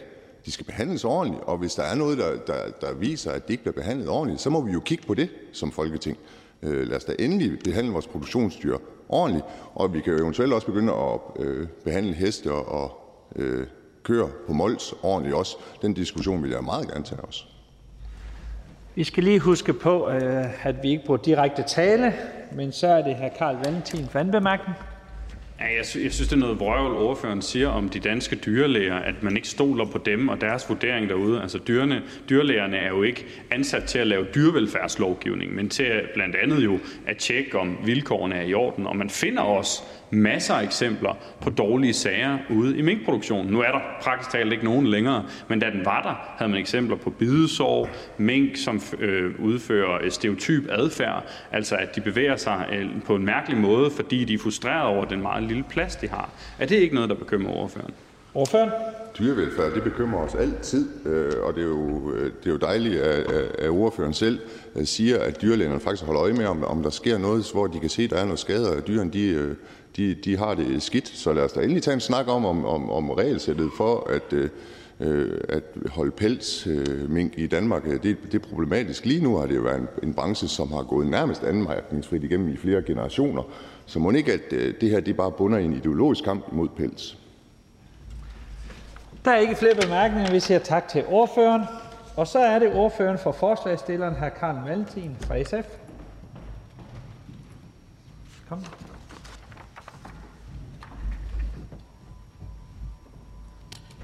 Tak for ordet. I dag der giver vi den danske regering en unik mulighed. En mulighed for at stoppe den kortsigtede, uforståelige, uansvarlige og uetiske beslutning om at åbne dansk minkavl igen. Stemmer regeringen for det her forslag om at gøre forbuddet mod minkavl permanent, som vi i Socialistisk Folkeparti har stillet sammen med Enhedslisten og Alternativet, så lover jeg til gengæld, at ministeren ikke kommer til at høre et ord fra mig om hverken fodslæberi eller hykleri eller zigzagkurs eller noget som helst, for det er ingen skam at blive klogere. Og selvom beslutningen om at lukke produktionen skulle have været taget for mange år siden, så er det aldrig for sent at gøre det rigtige. Ser jeg realistisk på det, også ud fra debatten i dag, så er der dog ikke meget, der tyder på, at Socialdemokratiet, Venstre og Moderaterne de vender på en tallerken og lytter til hverken SF, Danmarks Naturfredningsforening, Dyrenes Beskyttelse eller andre aktører i den her sag. Nej, på grund af minksagen, som har fyldt så meget, så er minkavl blevet til symbolpolitik, der har gjort regeringstoppen udmodtagelige over for rationelle argumenter om dyrevelfærd og miljø. Og det er altså trist at være vidne til. Men fordi jeg mener, at det er vigtigt, at dyrene har en stemme her på Christiansborg, fordi jeg mener, at miljøet skal sættes over profit, og fordi jeg mener, det er en skændsel, at borgerne nu skal til at betale for en genopstart af minkavl i Danmark, når man nu endelig var blevet fri, så har jeg nu alligevel tænkt mig at udfolde, hvorfor SF og jeg mener, at vi bør skrive minkavl ind i historiebøgerne og lade det blive der for altid. For når det kommer til behandlingen af andre arter, så er vi etisk inkonsistente i Danmark. Lad mig give et eksempel. I Danmark der er det ulovligt at spære en rev permanent inde i bur for at flå den for dens pels. Men gør man det samme med en chinchilla, så er det helt okay. I Danmark der har opdræt af hare i enhver form for anlæg, herunder buer, været forbudt siden 1997. Vil man spære en kanin inde på samme måde, så er der dog ikke nogen minimumstandarder. I Danmark der vil vi udfase buræg. Det er uetisk at putte høns i bure, lyder det. Men samtidig så genstarter vi aktivt minkavl. Mink må gerne spærres inde i bure, må man forstå. Uanset om man går ind for permanent indespæring af uskyldige dyr eller ej, så må man erkende, at vores regler på det her område er dobbeltmoralske og ikke giver mening. Hvad der til gengæld giver mening og er etisk konsistent, det er at sige, dyr skal ikke tilbringe hele deres tilværelse i et lille bitte bur. Det er uetisk, og det hører fortiden til. Og når det kommer til mink, som vi debatterer i dag, så er det uetisk af en hel række af grunde. Mink er solitære dyr. De kan altså bedst lide at være alene. Alligevel så står de tusindvis tæt sammen op og ned af hinanden i produktionen. Mink er territoriale dyr, der i naturen bevæger sig over kæmpe store områder. Et bur kan aldrig leve op til deres behov. Mink er aktive rovdyr med svømmehud mellem tæerne. De lever både til lands og i vand. Intet bur kan tilnærmelsesvis give dem muligheden for at røre sig på den måde, som en mink har behov for. Og det er da også derfor, at regeringens rådgivende organ, Dyreetisk Råd, klart har sagt i deres seneste udtalelse, at hold af mink i de eksisterende buer ikke er acceptabelt. Det er regeringen tydeligvis ikke enig i. Men det er til gengæld 1,7 millioner borgere i Europa, der aktivt har skrevet under for at få forbudt pelsdyravl en gang for alle. Næsten 60.000 af de her underskrifter de kommer altså fra lille Danmark, og det er mere, end hvad der skal til for at stille et borgerforslag. Så også et tak til jer her fra SF, til alle de mennesker, der har skrevet under. At så mange borgere har skrevet under, det er ikke bare bemærkelsesværdigt. Det bør også have betydning for Danmarks overvejelser om at genstarte produktionen. For de mange underskrifter kan ende med at betyde, at minkproduktion bliver forbudt i hele EU inden for en overskuelig årrække. Og eftersom mange lande allerede har forbudt det, så er det ret sandsynligt, at det kommer til at ske, fordi de lande jo nok vil bakke op om et europæisk forbud. Og det er jo altså lande som Østrig og Holland, der er også lande som Kroatien og Slovenien, Italien, Frankrig, Estland, Norge, mange andre, som har besluttet at forbyde minkavl. Og der er en kæmpe folkelig bevægelse imod det. Men ikke nok med det. Et EU-forbud mod minkavl det kan også komme af en anden vej. Ifølge Fødevareministeriet selv, så er der nemlig risiko for, eller chance for, om man vil, at mink kommer på listen over ikke hjemmehørende invasive arter, og dermed bliver forbudt at opdrætte i EU af hensyn til den store skade, som de forvolder på naturen, når de slipper ud. Og ifølge Fødevareministeriet, så kan det altså allerede ske fra år 2024, det vil sige næste år. Det betyder altså, at regeringen lige nu genstarter en produktion, der om få år risikerer at skulle nedlægges igen. Og det bliver værre endnu. Man tillader nemlig ikke bare produktionen at starte igen. Nej, man beder lige frem skatteborgerne om at betale for opstarten med opstartsbonus til minkavlerne og skattefinansiering af hovedparten af de smitteforebyggende tiltag.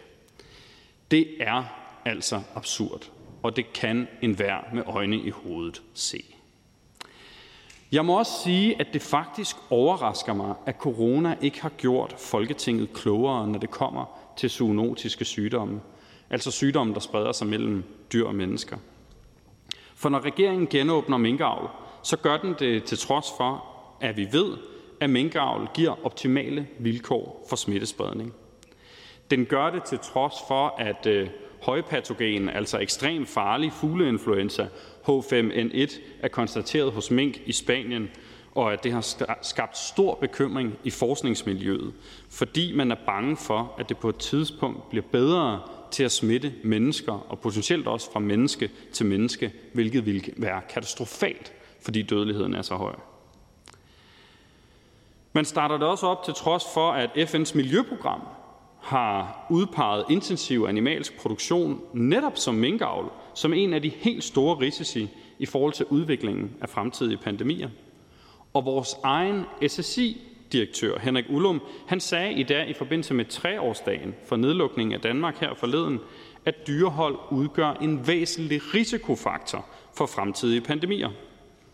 Jeg synes, man burde lytte lidt mere til eksperterne og overveje, om det her virkelig er vejen at gå, om det er en risiko, der er værd at tage.